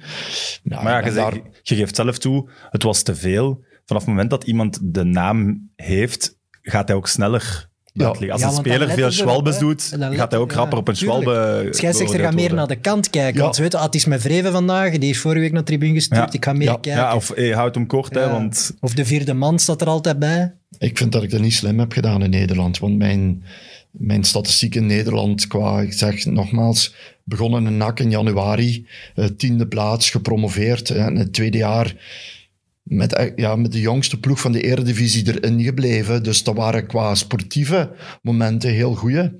En daar heb ik absoluut niet de credits voor gekregen door door dit gedrag. En, en kun je zoiets opnoemen wat dan, wat dan tot direct naar de tribune sturen leidt? Is dat dan echt een vuil scheldwoord of zo? Hij vuile keeskop. Ik, ik ga je een voorbeeld geven. Ik, ik, twee weken voor ik weg ben gestuurd, een NAC Feyenoord, eh, kwam ik Bas Nijhuis tegen op een wedstrijd eh, van Willem II. En we geraakten aan de praat en hij zei, ja, maar ik hou van eh, jouw type coach, eh, meelevend. En ik ga jou nooit dadelijk wegsturen. We gaan de dialoog aan. Oh, nee. En eh, wat gebeurt er? Eh, eh, NAC Feyenoord, na drie minuten krijgen wij een 100% strafschop, krijgen wij niet. Ja, tuurlijk maak ik misbaar of ik doe met mijn hand zo ergens iets. Ik doe en mijn hij loopt naar de kant. Het zal meer geweest zijn. Ja, tuurlijk, ik zal wat gescheld hebben, maar hij stond er ver af. Hij, lo- hij ziet mij zwaaien met mijn handen. Na drie minuten loopt hij naar de kant en stuurt mij regelrecht de tribune in. Drie minuten ver in de match. Drie minuten. Oei, dan moet hij toch gedacht hebben dat iets heel ernstig was. Nee, Of het is goed, stiekem dan- een dan- Feyenoord-supporter en hij lokt je al in de val in jullie gesprek. Ja, dan had hij pech, want dat jaar hebben wij iets unieks gedaan. Als En- promovendus twee keer van de landskampioen gewonnen, uit en thuis. Dus Dat is juist, je hebt in de arena gewonnen. Nee, nee. de Kuip. Feyenoord was toen De kampioen. Kuip. was- Feyenoord, ah, dat was dat één jaar met ja, Kuit nog. Feyenoord Ja, ja, was toen ja. landskampioen. En Ik ben blij dat je dat ook vergeten bent. Feyenoord inderdaad nog één. Maar wat, dat is wel dat eerste jaar van Breda, want daar hebben we het eigenlijk nog niet over gehad. Dat is wel zo het mirakel van, van Breda eigenlijk. Hè. Die fans van Breda, nu dat je weggestuurd wordt bij Trentin, veel NAC-fans, kom terug, kom terug bij ons, wij zitten in de shit, kom vreven terug. Dat is wel zo. Want je neemt over in januari als jullie achtste staan. tiende. Wikipedia moet aangepast worden. Ja, tiende. En met Cyril Dessers nog kampioen. Ja, Maar met- wel via de eindronde. Maar, ja, goed, we zijn vijfde geëindigd en eh, in de meest ideale positie. Het hoogste ook dat wij konden eindigen om in de halve finale terecht te komen. We moesten geen drie ronden spelen, maar maar twee. En hebben de finale gewonnen tegen NEC, inderdaad. Dat is toch een, de, uw strafste prestatie. Oké, Beveren misschien ook wel. Als- De- ja, pas op. ja, Ik Nee, vind u alleszins wel bij NAC Breda passen. ja, dat is dat. Een avondje Breda is wel ook een avondje vrees. Ja, zijn absoluut. hem aan het Dat was onderbreken. ja, fantastisch. De beste, bij- bijna de beste supporters van Nederland. Maar weet je wat ik zelf mijn beste prestatie, eh, waar je nooit op... Wat ik zelf vind? Lommel. Nee. Desselsport. Ja, jongens, hey. Allee, alle respect voor Dessel, maar ik, Ja. ik weet zelfs niet wat dat je daar gepresteerd hebt. Twee keer dat jaar het tweede nationale van Antwerpen gewonnen met alleen werkende jongens. En al, tegen allemaal profclubs. Ik, dat heb ik nooit meer meegemaakt. We gaan, het, we gaan het zelfs daar verder over hebben, maar we zijn voorbij het uur. Dan nemen we altijd, hè, als trouwe fan weet je dat, Ja. dan nemen we altijd afscheid van de Play Sports kijker.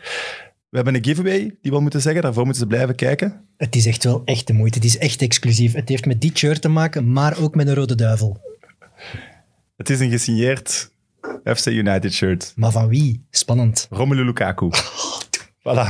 Eh, als het je een leuke babbel vindt, op de podcastkanalen van Friends of Sports kan je verder luisteren. En op het YouTube-kanaal van Play Sports kun je verder kijken. We hebben nog geen gast voor volgende week, maar dat maakt ook eigenlijk helemaal niet uit. Dus Ex-trainer van Beerschot. tot, tot volgende week. Voilà. Eh, laat ons beginnen bij Desselsport. Ik vind het goed dat je het aanhaalt. Ik las het en ik vroeg gisteren, omdat je bij Lommel komt gaan met ook heel veel semi-profs, ik vroeg aan Evert, was dat eigenlijk wel een stap hogerop om van Dessel toen naar Lommel te gaan? Omdat Lommel toen niet de grote ploeg was die het daarvoor was, Nee. ook nog niet de nieuwe investeerders Nee. die het nu heeft, Ook nog semi-professioneel. ook nog semi-professioneel. Maar wel die verstanden, semi-professioneel, dat die jongens wel altijd konden Trainen. trainen. En dat die eh, of student waren of voetballer. Dus het was wel semi-professioneel, de club.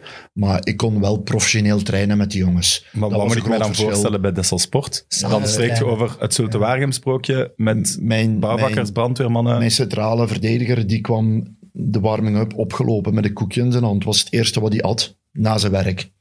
Dus die was op, bij de opwarming was hij nog aan het eten. in tweede klasse. Ja, tweede nationale. Ongelooflijk Ja, eigenlijk. hè? toen Ja. Dessel, Heist. eh, Toen wij zijn ook al 90 van die geëindigd en het jaar erop is Dessel gedegradeerd. En ja, is het nu eigenlijk, ja. Begrijp je dan dat- dat ze nu zeggen dat moet de profclub zijn? Of Eh, de, wat bedoel je, de 1B-clubs? in 1B? Ja, het mag niet meer, hè? Nee? Je mag niet meer eh, met amateurs. Je mocht in geen amateurclub meer zijn in 1B, dan krijg je geen licentie, toch? Ben ik mis? Nee. Ik, nee, ik, vind voor het Belgisch voetbal zo, eh, is dat wel nodig, ja. Ik ben het daar niet mee akkoord, hè, maar dat weet je. Ik, Daar, ja, ik wou nog eens de stoute Evert horen, die Ah, ja, ja, volledig ja. een tirade afsteekt. ik maar- vind dat net geweldig, maar dat was de, de tweede klasse met 18 clubs en daar zat van alles bij elkaar. Daar zaten grote gevallenclubs gelijk een Antwerp en een Liers en Sint-Truiden te vechten voor promotie, maar daar zat ook eh, een verplaatsing naar Dessel Sport en hij op den berg bij. En die mannen die geraakten daar ook op hun sportieve meritus. Hè. Die waren daar terecht, omdat ze een kampioen werden, in derde terecht gekomen. Of dat die nu prof zijn of semi-prof, dat maakt toch allemaal niks uit. Je moet het bewijzen op het veld. En het was die clash die tweede klasse zo uniek maakte, vond ik. Ja, ik ben het volledig eens. Met dat verhaal zeker. Maar voor het Belgisch voetbal op een hoger niveau, als je het hebt over Champions League, eh, Europa League eh, en et cetera, om op een hoger niveau te komen, denk ik dat je professionalisering nodig hebt. En Maar wa- waarom gaat Club Brugge het beter doen in de Champions League als Desselsport in tweede klasse professioneel is? eh, omdat ik denk, als, als, maar ik zou sowieso alles hervormen. Maar want daardoor krijg je nu wel, omdat ze moeten die budgetten hebben, dat ze die budgetten in het buitenland gaan halen en dat er clubs zijn waar wel geld wordt ingepompt. Eigenlijk kan 1B. weer vertrekken, waardoor clubs failliet gaan en eh, meer weggaan. dan lang genoeg trainer geweest om toch te beseffen dat dat echt een Nee, gedoogd is. opzet is niks. Voilà. Niemand vindt het leuk. De clubs die de spelers niet vier keer tegen elkaar spelen, is echt dramatisch. En wat vind je van de jongeren daarin? Ja, daar zijn ook veel kanttekeningen tegen. Maar goed, eh, je moet ergens iets gaan creëren. Maar je hebt het gekend in Nederland. Ja, Dus en Nederland blijft toch een, een bron om, om jongeren succesvol op te leiden in de keukenkampioen-divisie nu. Eh, ja, de, van tot- de, tot- tot- de ploeg die de match wint die ze nodig hadden om naar het EK te gaan. Daarvan denk ik van de elf die begonnen, dat er zeven of acht keukenkampioen-divisie bij Nederland, ervaring bij hadden. Bij Nederland, toen bij Oranje. Dus de nationale ploeg. Hè? Ja, ik, eh, ik heb tegen bij NAC in de eerste divisie, in de tweede klasse, tegen Ajax gespeeld, jong Ajax. Worden die toen... Nee, toen was ze niet kampioen. Het jaar ervoor of twee jaar Ja, ervoor? maar daar stond wel 100 miljoen op het veld. Uiteindelijk, ja. ja. ja, was Frenkie de Jong, was eh, De Licht. eh, Alleen dat is al 140, denk ik. Maar Ja, ja, maar op dat moment. Dus ze waren nog niet de, de topspelers, maar toen waren die elf al 100 miljoen waard. Ja, dan, dan weet je dat. En die hebben daar hun wedstrijden gespeeld op hoog niveau. In een NAC-stadion voor 20.000 mensen. Dus die een progressie.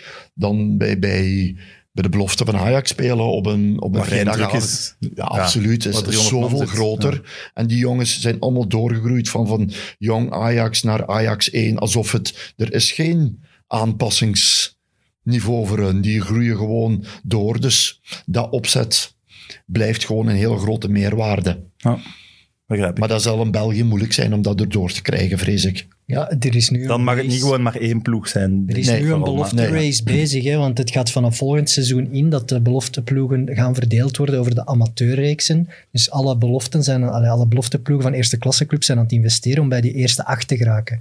Er gaan er van naar 1B, naar eerste amateur, naar tweede amateur, Ja. derde amateur. Maar ja, ik ben daar falikant tegen, Ik dat ook. weet je. Omdat ik vind dat dat degradeert net de kracht en de charme van ons voetbal. Ah nee, daarvoor ben ik er niet tegen. Ik vind die lagere reeksen, maar ik ben natuurlijk een beetje nostalgisch ingesteld. Ik vind dat geweldig, ik vind dat fantastisch. Ik vind dat we dat moeten omarmen, dat we dat beter moeten omkaderen op een eerlijkere manier. En dan is het ook gewoon prof, semi-prof, amateurs, daar is niks op tegen.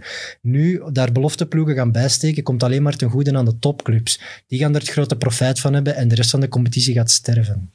Je hebt wel, je hebt wel twee kanttekeningen, Evert. Je hebt, op één kant heb je eh, het charme, de historie van het voetbal, de, de mooie clubs waar jij het over hebt, die op een lager niveau nog altijd een leuke naam hebben. En, en, en je hebt het sportief gebeuren. Hè. Eh, zoals we ju- juist over jong Ajax spreken, zijn de spelers eh, van, van Club Next ook gebaat, meer gebaat met Mhm. spelen tegen hoger niveau spelers. eh, De topclubs, dat- ja, de topclubs krijgen dan- profijt. Maar ik geloof wel dat ze nog altijd meer gebaat zijn als dat dan niet mogelijk is om in hun eigen leeftijdscategorie te spelen, dan echt op een lager niveau voor hun dan, voor het potentieel dat ze hebben, dan echt op een lager niveau. Want daar gaan ploegen bij zijn die echt, ja, jong Anderlecht, laat ons zo noemen, ja, die daar per se van willen winnen, die niet de beste voetballers zijn, die, die trappen die omhoog en zo. Ja, wat, misschien ook minder goede velden. Dat zijn technische spelers op dat niveau, denk ik. Ja, maar nu kijk je weer vanuit de bril van de topclub. En dan vind, daar ben ik het nooit mee eens. Omdat Je moet kijken we, de ja. bril van een Dessel en een, en een Heist op den Berg en, en een Aalst en een Berchem. Die ploegen die al jarenlang de amateurvoetbal dragen en dat ook zijn en daar ook de ziel van zijn.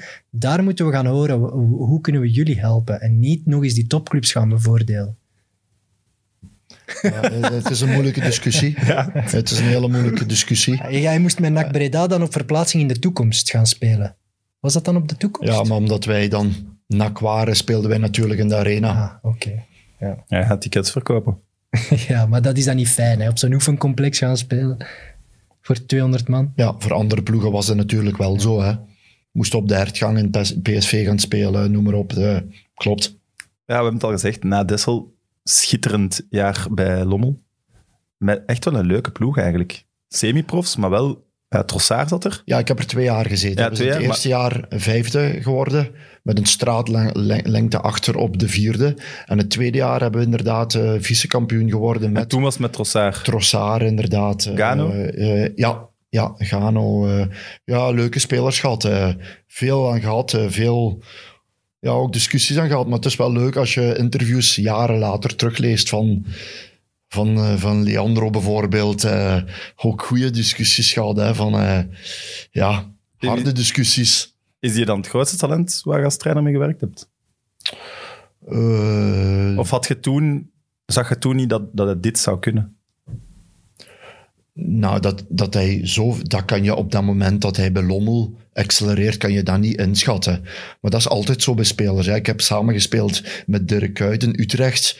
Dan, dan doet hij het goed. Meer dan goed, dan, meer dan het, de gemiddelde Utrecht-speler. Die gaat naar eh, Feyenoord en denken, oké, Chapeau. eindplafond waarschijnlijk. Die gaat dan naar Liverpool. Speelt dan linksback op het WK, eh, WK. Terwijl hij spits was, dat deed hij ook goed. Eh, gaat naar Turkije, is daar de man. Je kan nooit inschatten. Het is maar hoe je, hoe je ja, doorgroeit en eh, hoe je ontwikkelt natuurlijk. eh. Ik ken er zo nog een, heel goed. Die naar Utrecht ging en dan, oef, eredivisie, dat gaat maar nipt zijn. En dan naar PSV, oeh, dan naar Napels. Juist hetzelfde. Ja, maar Trossard heeft wel...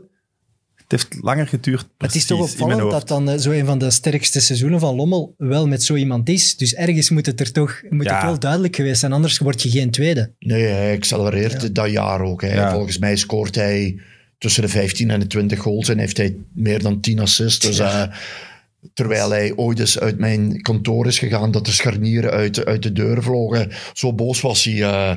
Door hem, door hem. ja, absoluut. Gewisseld of Ja, zo. nee, dat hij, hij wou alleen maar op 10 spelen. Ik, weet, ik, ik zie de discussie nou, ik zie hem binnenkomen. Klein mannetje natuurlijk, een beetje rood aangelopen. Ik zeg, nu gaan we het krijgen. Ik zeg, trainer, ik, eh, ik zie dat jij mij op 11 gaat zetten. Ik zeg, ja, dat klopt. eh, eh, waarom? Heb ik, ik heb hem keurig uitgelegd, want hij was uitgeleid van Genk. Ja, ik zie jou een potentie bij Genk eerst beter op de 11 komen dan op 10. Op 10 staat nu Pozuelo, noem maar op. Daar gaan ze altijd grote vedetten zetten. Dus als je kan ontwikkelen op 11, kan je nog doorgroeien naar 10. Ja, hij was het er niet mee eens natuurlijk, want hij was bij Lommel hè, de Genk-speler. Eh, hij moest op 10, hij moest ook rugnummer 10 hebben. Ze hadden hem misschien ook wel beloofd van Genk, ga een jaar naar Lommel, gaat daar op 10 kunnen... Waarschijnlijk wel. Maar ik heb hem die wedstrijd op 11 gezet. Hij heeft drie keer gescoord en hij, heeft, hij is daar niet meer weggegaan. Ja, en, en Kevin De Bruyne is ook begonnen op 11 eigenlijk bij Genk, hè? zijn signature move, naar binnen komen en naar de verre hoek draaien, kan zeggen- alleen maar van op die positie. zeggen, de, de nummer 10's van vroeger kan je nu beter aan de, aan de buitenkant zetten. hè. Die gaan Zwaar. zwerven tussen Meer de linies, eh, weg van de zijkanten, weg van de backs, zo, waar ze altijd vrijkomen. Ideaal voor spelers à la Trossard. Ik hou wel van Trossard. Ik vind het, en ik eh, afgelopen week nog bij de Rode Duivels, ja, als hij inkomt, hij brengt iets, hij brengt iets heel leuk. En Ja. het zal niet eh, Barcelona en Real Madrid zijn, maar hij heeft iets eh, die, in die laatste 20 meter op het veld, wat de moeilijkste meters zijn, hij heeft iets ongelooflijks daar, vind ik. En ik vond Salemakers ook, maar Trossard ook echt geweldig. Ja, onvoorspelbaar. Hè. Ja, Tweevoetig, voilà, dribbel, ja. schiet vanuit alle hoeken. Wanneer er Maar ja, veel lef. eigenlijk nog geen vrijheid is om te trappen, kan hij toch trappen. Hij heeft een fantastische traptechniek, dus... eh, en, en een leuke gast nog eens. Ja, voilà. Ik vind het ook wel chapeau dat je als jonge gast toch tegen Stijn Vreven, niet de, een imposant persoon, laat me zo zeggen, wel durft uw verhaal gaan halen. Absoluut. Er zijn er, gaan er toch heel veel zijn die dat verzwijgen en dan opkroppen en daar dan Ja. zo wat mee zitten. Nee, als Heel jonge gast zegt, hè, heel die veel is van die echt jonge jong. talenten zijn toch al BV'tjes. Ja, ze zijn wel mondig geworden. Ja, Absoluut. Maar hij kon het, hij, maar je ziet aan de grootste talenten, die kunnen dan inhoudelijk, hebben die goede vragen. Ja. Niet zo alleen maar, niet, eh, waarom speel ik niet, of, eh, maar inhoudelijk over je positie, eh, over positiekeuze, over toekomst. Ja, daar had hij gewoon goede vragen over. eh. dus dan zie je wel dat een speler iets verder is als, als, als de gemiddelde speler. Het was wel in dat fantastische jaar met Lommel dat ook de nationale media, zeg maar, Stijn Vreven als trainer echt leerde kennen. Mag ik dat zeggen? Want je kijkt naar mij alsof dat niet waar is, maar het, in het jaar van Lommel bedoel het je? fantastische jaar van Lommel. Ik heb toen in Belang van Limburg alleen een artikel nu gelezen over toen. eh, zeer gedreven, veel eisende trainer met aanvallend voetbal. Een beetje de jonge Peter Maas.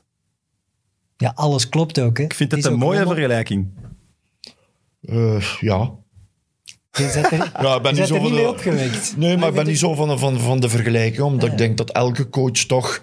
Maar oké, de- klopt het eerste deel dan? Veel eisend, gedreven, aanvallend voetbal. Ja, zeker. Maar het, het- lijkt mij ook normaal hè, dat je... Ik, dat, die stempel heb ik dan ook. Hij is veel eisend, maar dan denk je echt, ja, we, zijn toch bij topsport, worden daarvoor betaald. Dus je, je moet het...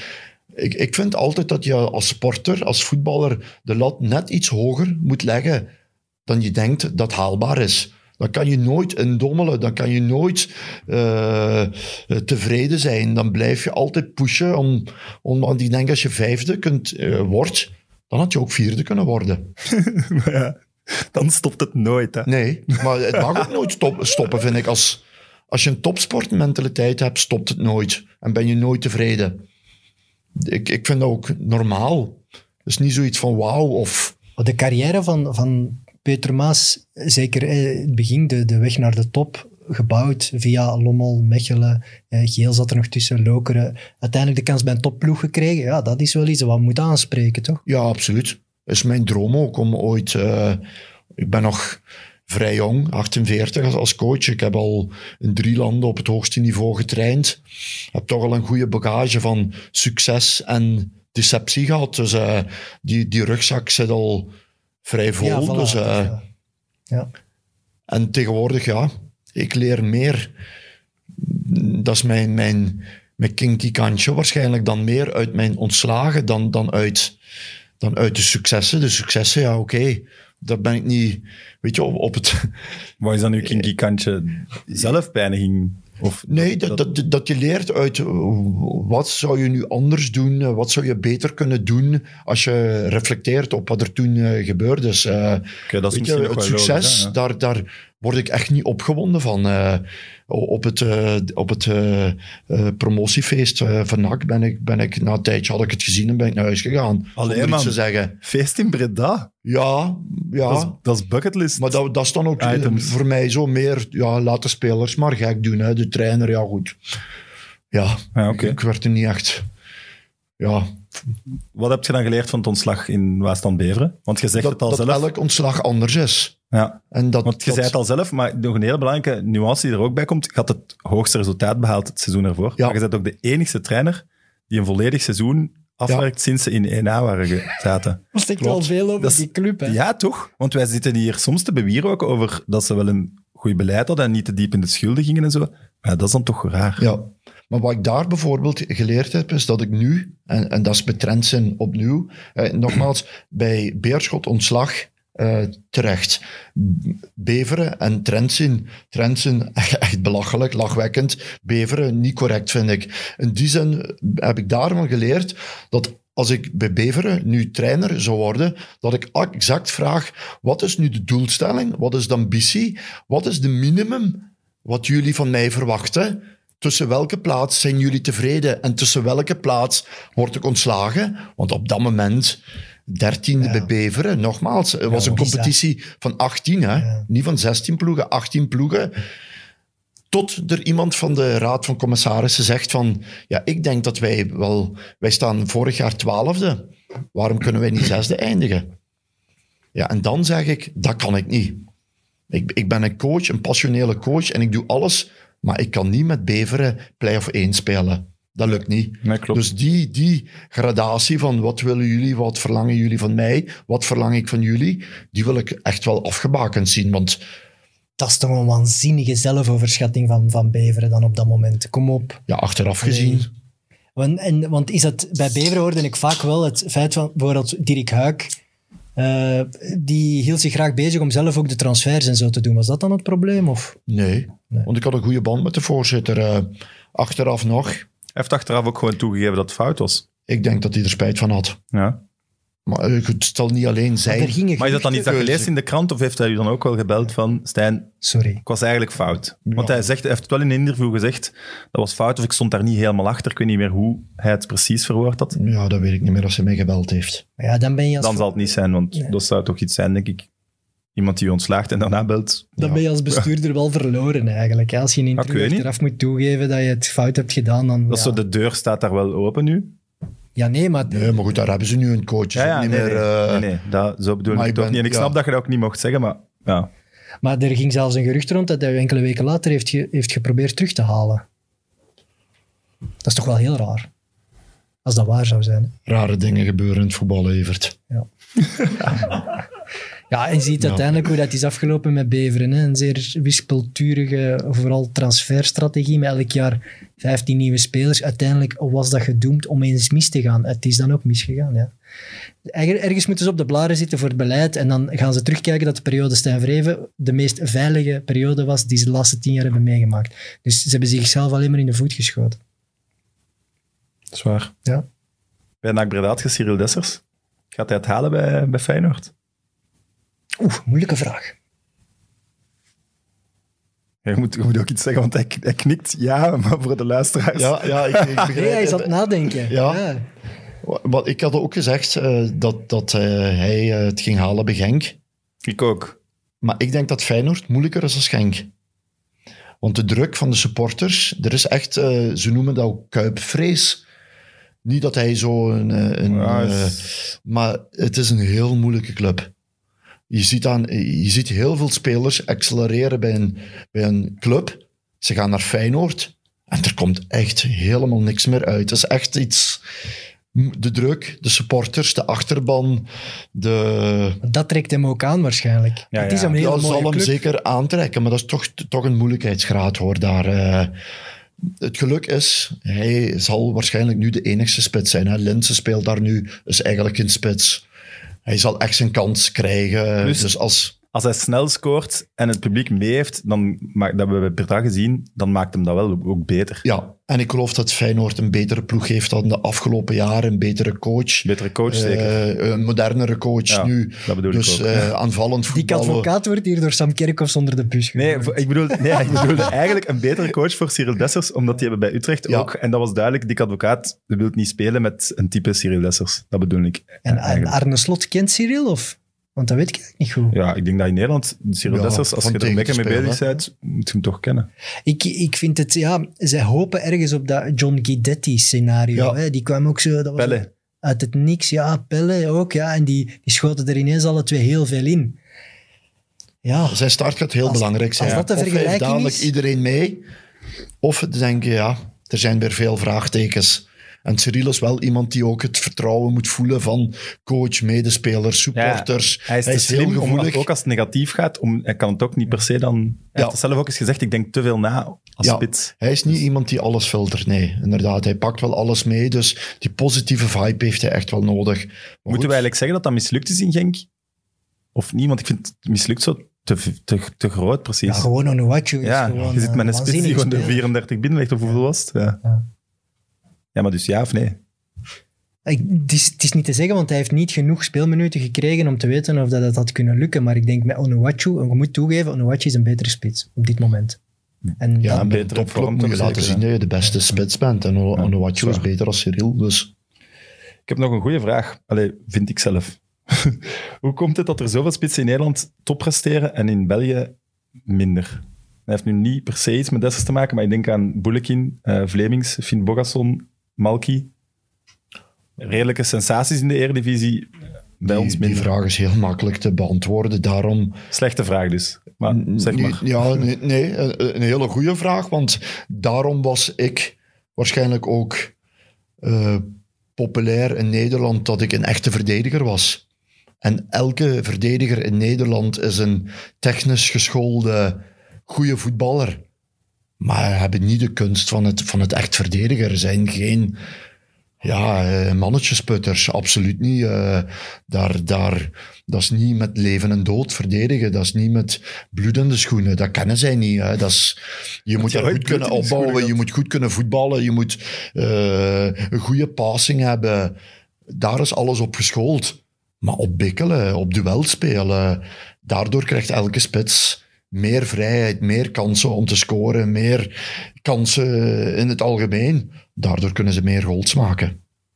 Dat klinkt, Dat klinkt logisch, maar toch, ik heb altijd het gevoel dat, soms. Van, dat een ja, topschutter van de Eredivisie ver- een loser is. Alleen ja. een loser op wat je zou denken dat er van komt. Ja, omdat er Snap je? heel veel Er kleine zijn zoveel goede voetballers in Nederland, maar die worden niet topschutter. Ja, die net topschutter is geworden, die Griek hè, van VVV.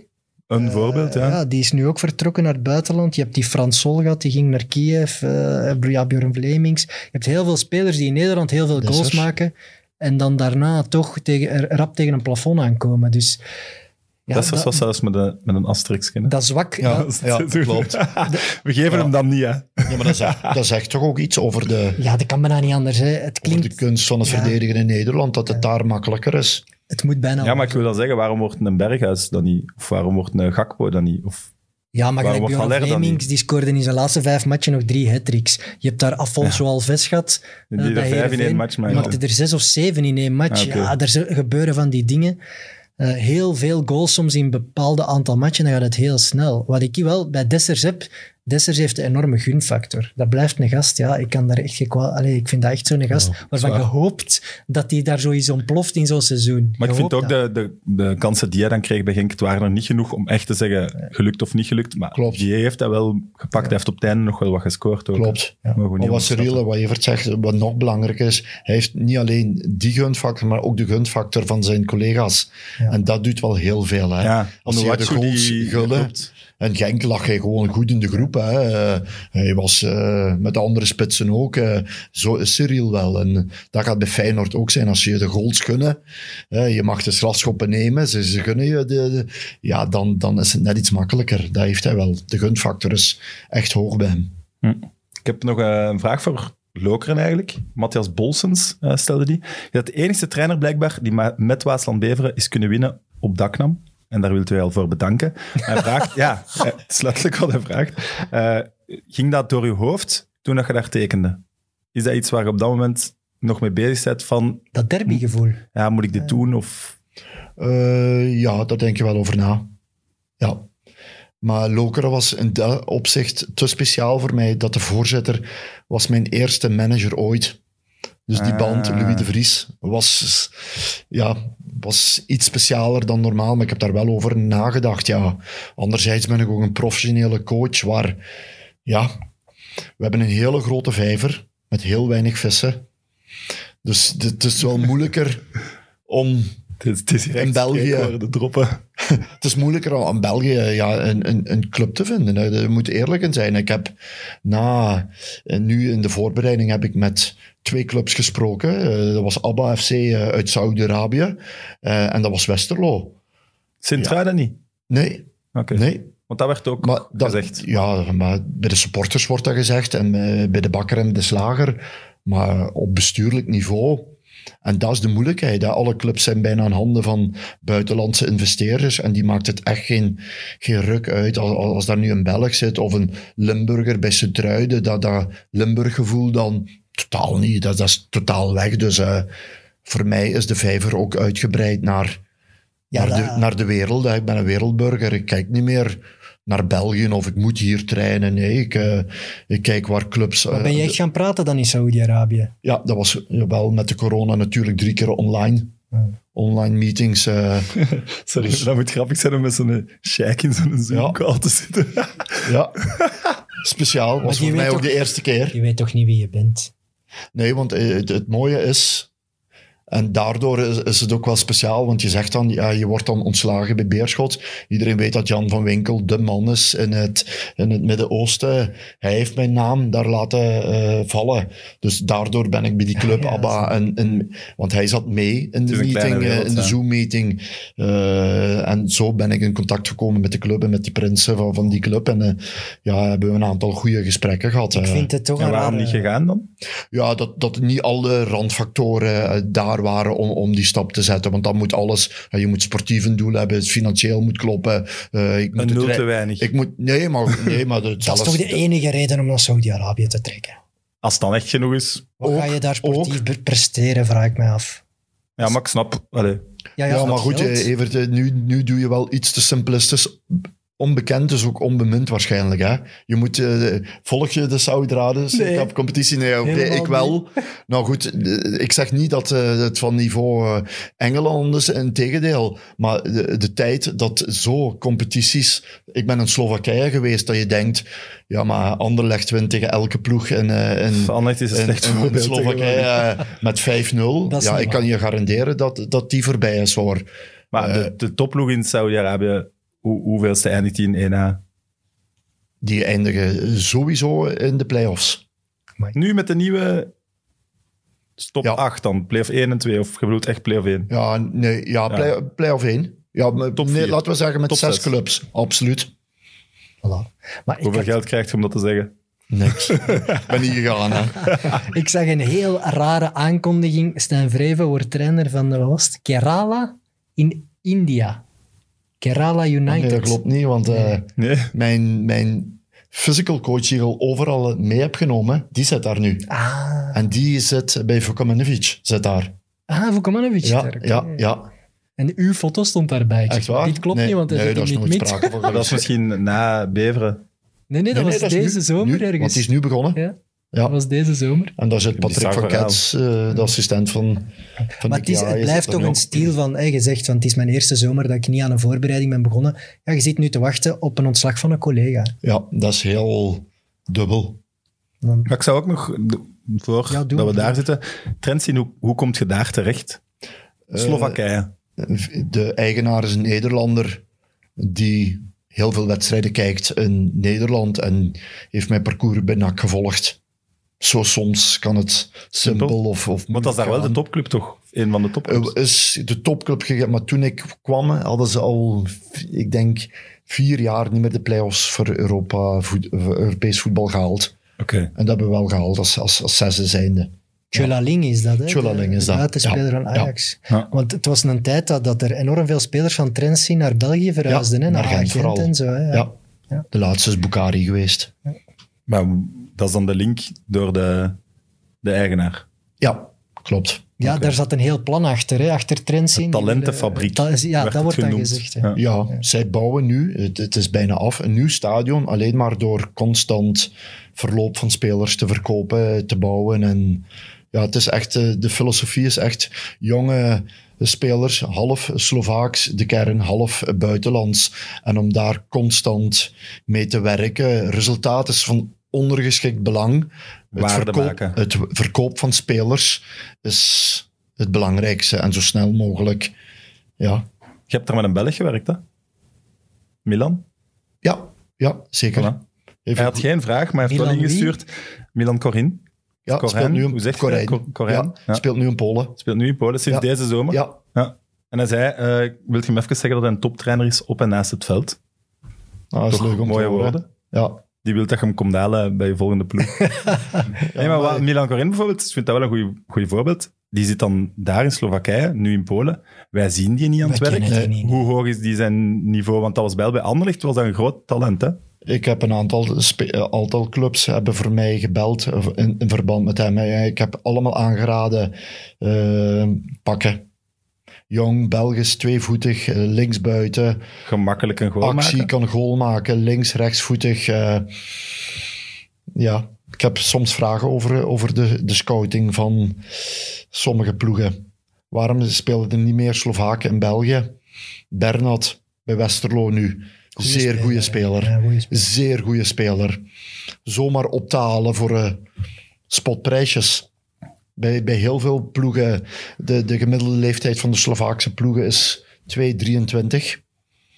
Die jongens komen, die speelden, Bernard speelde bij Zelina, een topclub in, in Slowakije, gaat naar tweede klasse België, omdat daar, ik ging naar, naar eh, Oost-Europa om een andere filosofie en een ander werkterrein te ontmoeten. Dus zij komen naar, naar Midden-Europa om, om die voetbalfilosofie op te pikken. Dat is voor hun de meerwaarde. Dus dat is echt bizar soms, ja. Heb je geen schrik dat als je nu na trends zien weer in een, in een land terechtkomt die wij niet zo goed opvolgen, dat het dat dan zal zijn voor de rest van je trainerscarrière? Maar je kunt in dat land wel Omdat je- populair worden en Omdat je uit beeld verdwijnt hier dan? Ja, dat kan. Ja, maar anderzijds, wat moet ik dan doen? Wachten tot Ja, truiden vind op, op een gegeven dag toch eens zegt, eh, wij denken aan Vreven. Ja, want als, als het hier ook te lang duurt zonder club... Ja, Is het ook niet goed, het. Nee, ik weet het, ik weet het. Maar ik vraag me wel af, als je dan naar Slowakije... Ja, veel van je kern ga je toch niet gekend hebben toen je eraan kwam? Eh, ja, nee, bijna niemand. Dus dan moet je wel heel snel... wedstrijden die ik gezien Ja, had. maar dan moet je wel heel snel al een inschatting maken van de kwaliteiten, want Ja, ik vind het toch moeilijk. Dan, eigenlijk, zou altijd een coach nemen, precies in de eigen competitie, die die kern wel al een beetje kent. Ja, maar soms heb je dat schokeffect. Je ziet dat in België toch ook. Zo'n. Stork bijvoorbeeld, hè, die wandelt binnen. En net omdat hij daar fris in zit, kan hij met een clear blik naar die kern kijken. Er snel resultaat halen. Hollerbach gaat dat ook eventjes. Dat werkt dan ook, maar dat is vaak maar tijdelijk. Omdat je dan misschien ook een vaste waarde, vastgeroeste waarde durft zetten. durft er, omdat je het niet door Ja. hebt. Ja. durft ik bekijk het ook anders als coach. Hè. Ik, ik werk, ik ben ook niet de coach die, die heel vaak zegt tegen bestuur, ja, en we moeten versterking en we moeten dit. Ik werk bij de spelers die ik heb en die maak je zo goed mogelijk en die motiveer je zo, zo fel mogelijk en dan ga je mee aan, aan, aan de slag. eh, ja. En, en dan haal je er alles uit wat erin zit. En dan noemen ze je op het einde veel eisend. Maar ja. En dan hoor je de, de, de, de citroen was uitgeperst. Maar dan denk ik echt... Ja, op de eerste plaats pers ik mezelf uit. Hè. Ik bedoel, ik ben heel kritisch voor mezelf. Ook naar mijn spelers toe.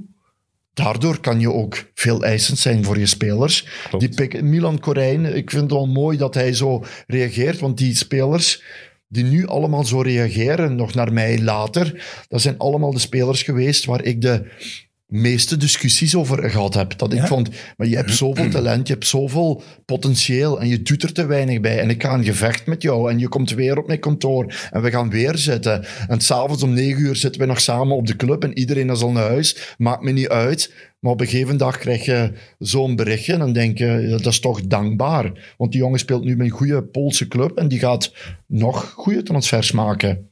Ja, Daar doe je toch voor. 22 of zo? Ja, zoiets, absoluut. Mooi.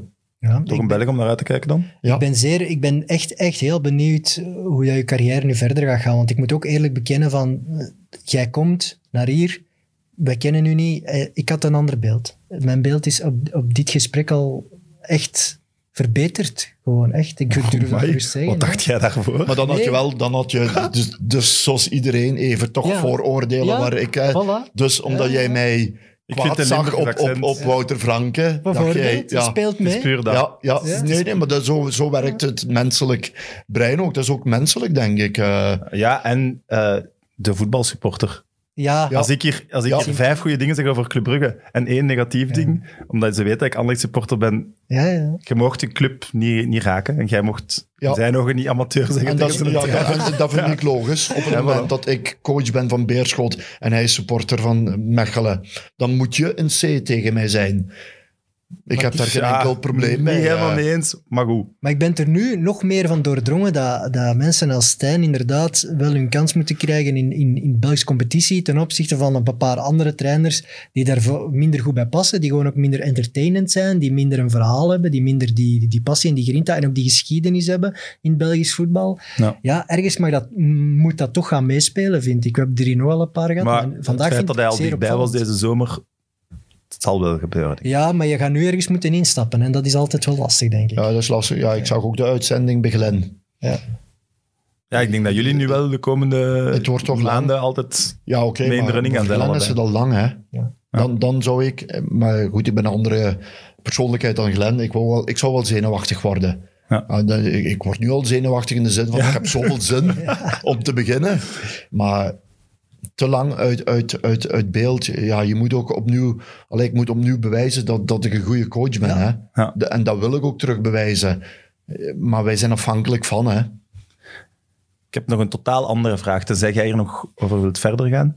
Nee, ik vond nog één dingetje heel mooi. Ik wist het, ik voelde het, ik zag het Ja. aan u. Doe maar. Dat is eh, toen je op bezoek ging met uh, NAC Breda in tweede klasse in Nederland, met NAC Breda bij Jong Utrecht. Ja, Hè? Toen was de kop eh, van een artikel, Stijn Vreven zal nooit op verplaatsing spelen in de Galgenwaard. Dat vond ik echt, vond ik wel echt mooi. Dat zegt wel iets over wat die, die harde kern van Utrecht over hem denkt.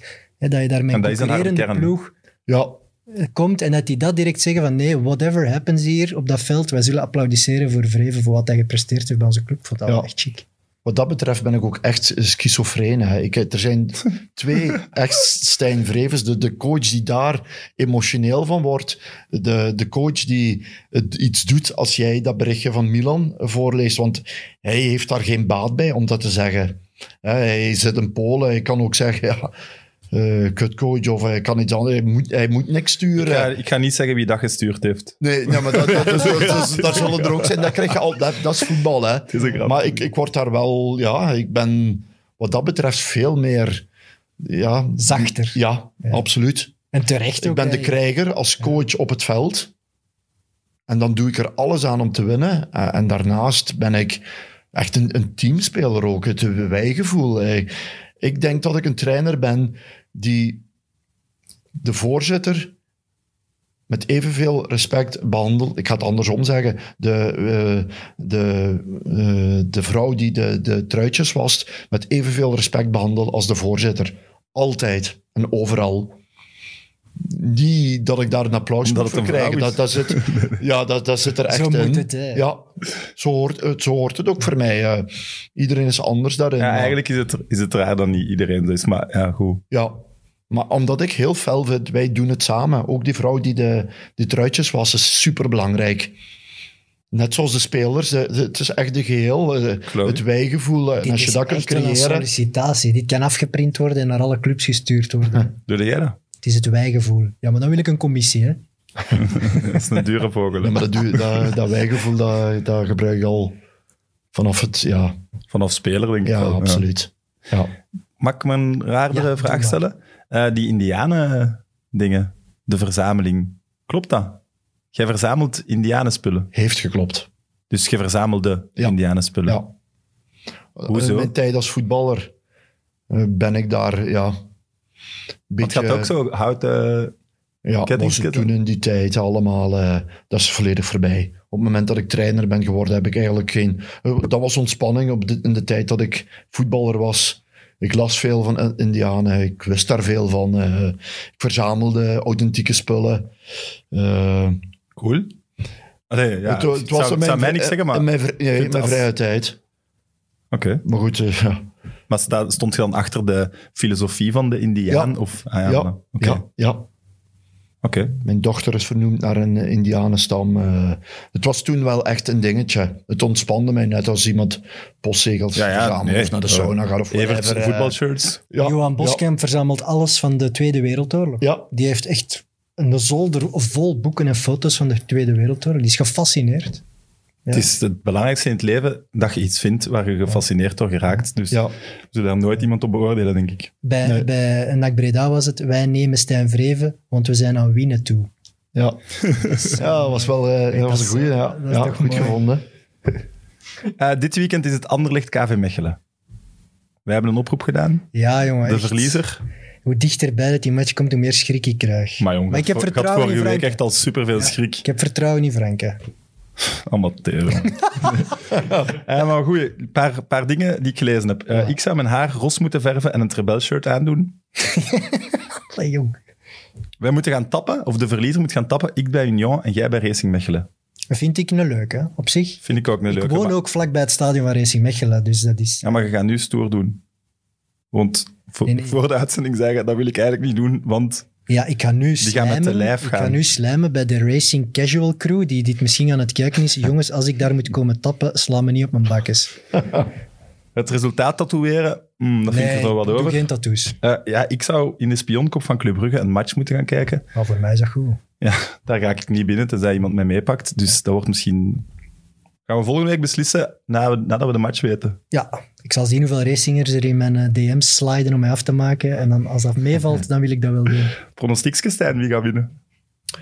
Anderlecht thuis, KV Mechelen op bezoek. Gelijkspel, denk ik. Ja, weer al. dat was vorig jaar al. We nu niet zo doen, want daar zouden we allebei voor tekenen, denk ik.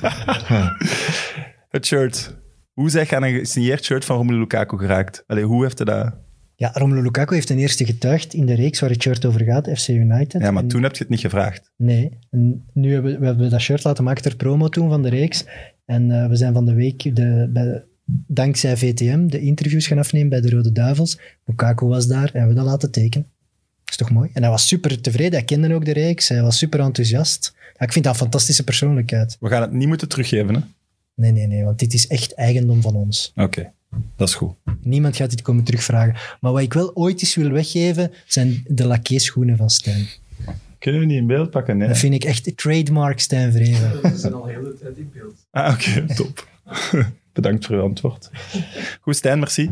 Graag gedaan. Ehm, we wensen u snel een nieuwe club. Ja, Dank je wel. En dan kunt je nog eens terugkomen. Hè? 100%. Absoluut. Voilà, Evert, eh, tot volgende week. Graag. Voor wie het Romelu Lukaku shirt wil winnen, ehm, we gaan het deze keer ook eens op Twitter doen. Oké. Dus Twitter en Instagram gewoon volgen, at midmidpodcast. Zoals gezegd, nog geen gast voor volgende week, maar die komt er zeker aan. Dus tot volgende week. Bye. Mit Mit, de voetbalpodcast van Friends of Sports en Play Sports.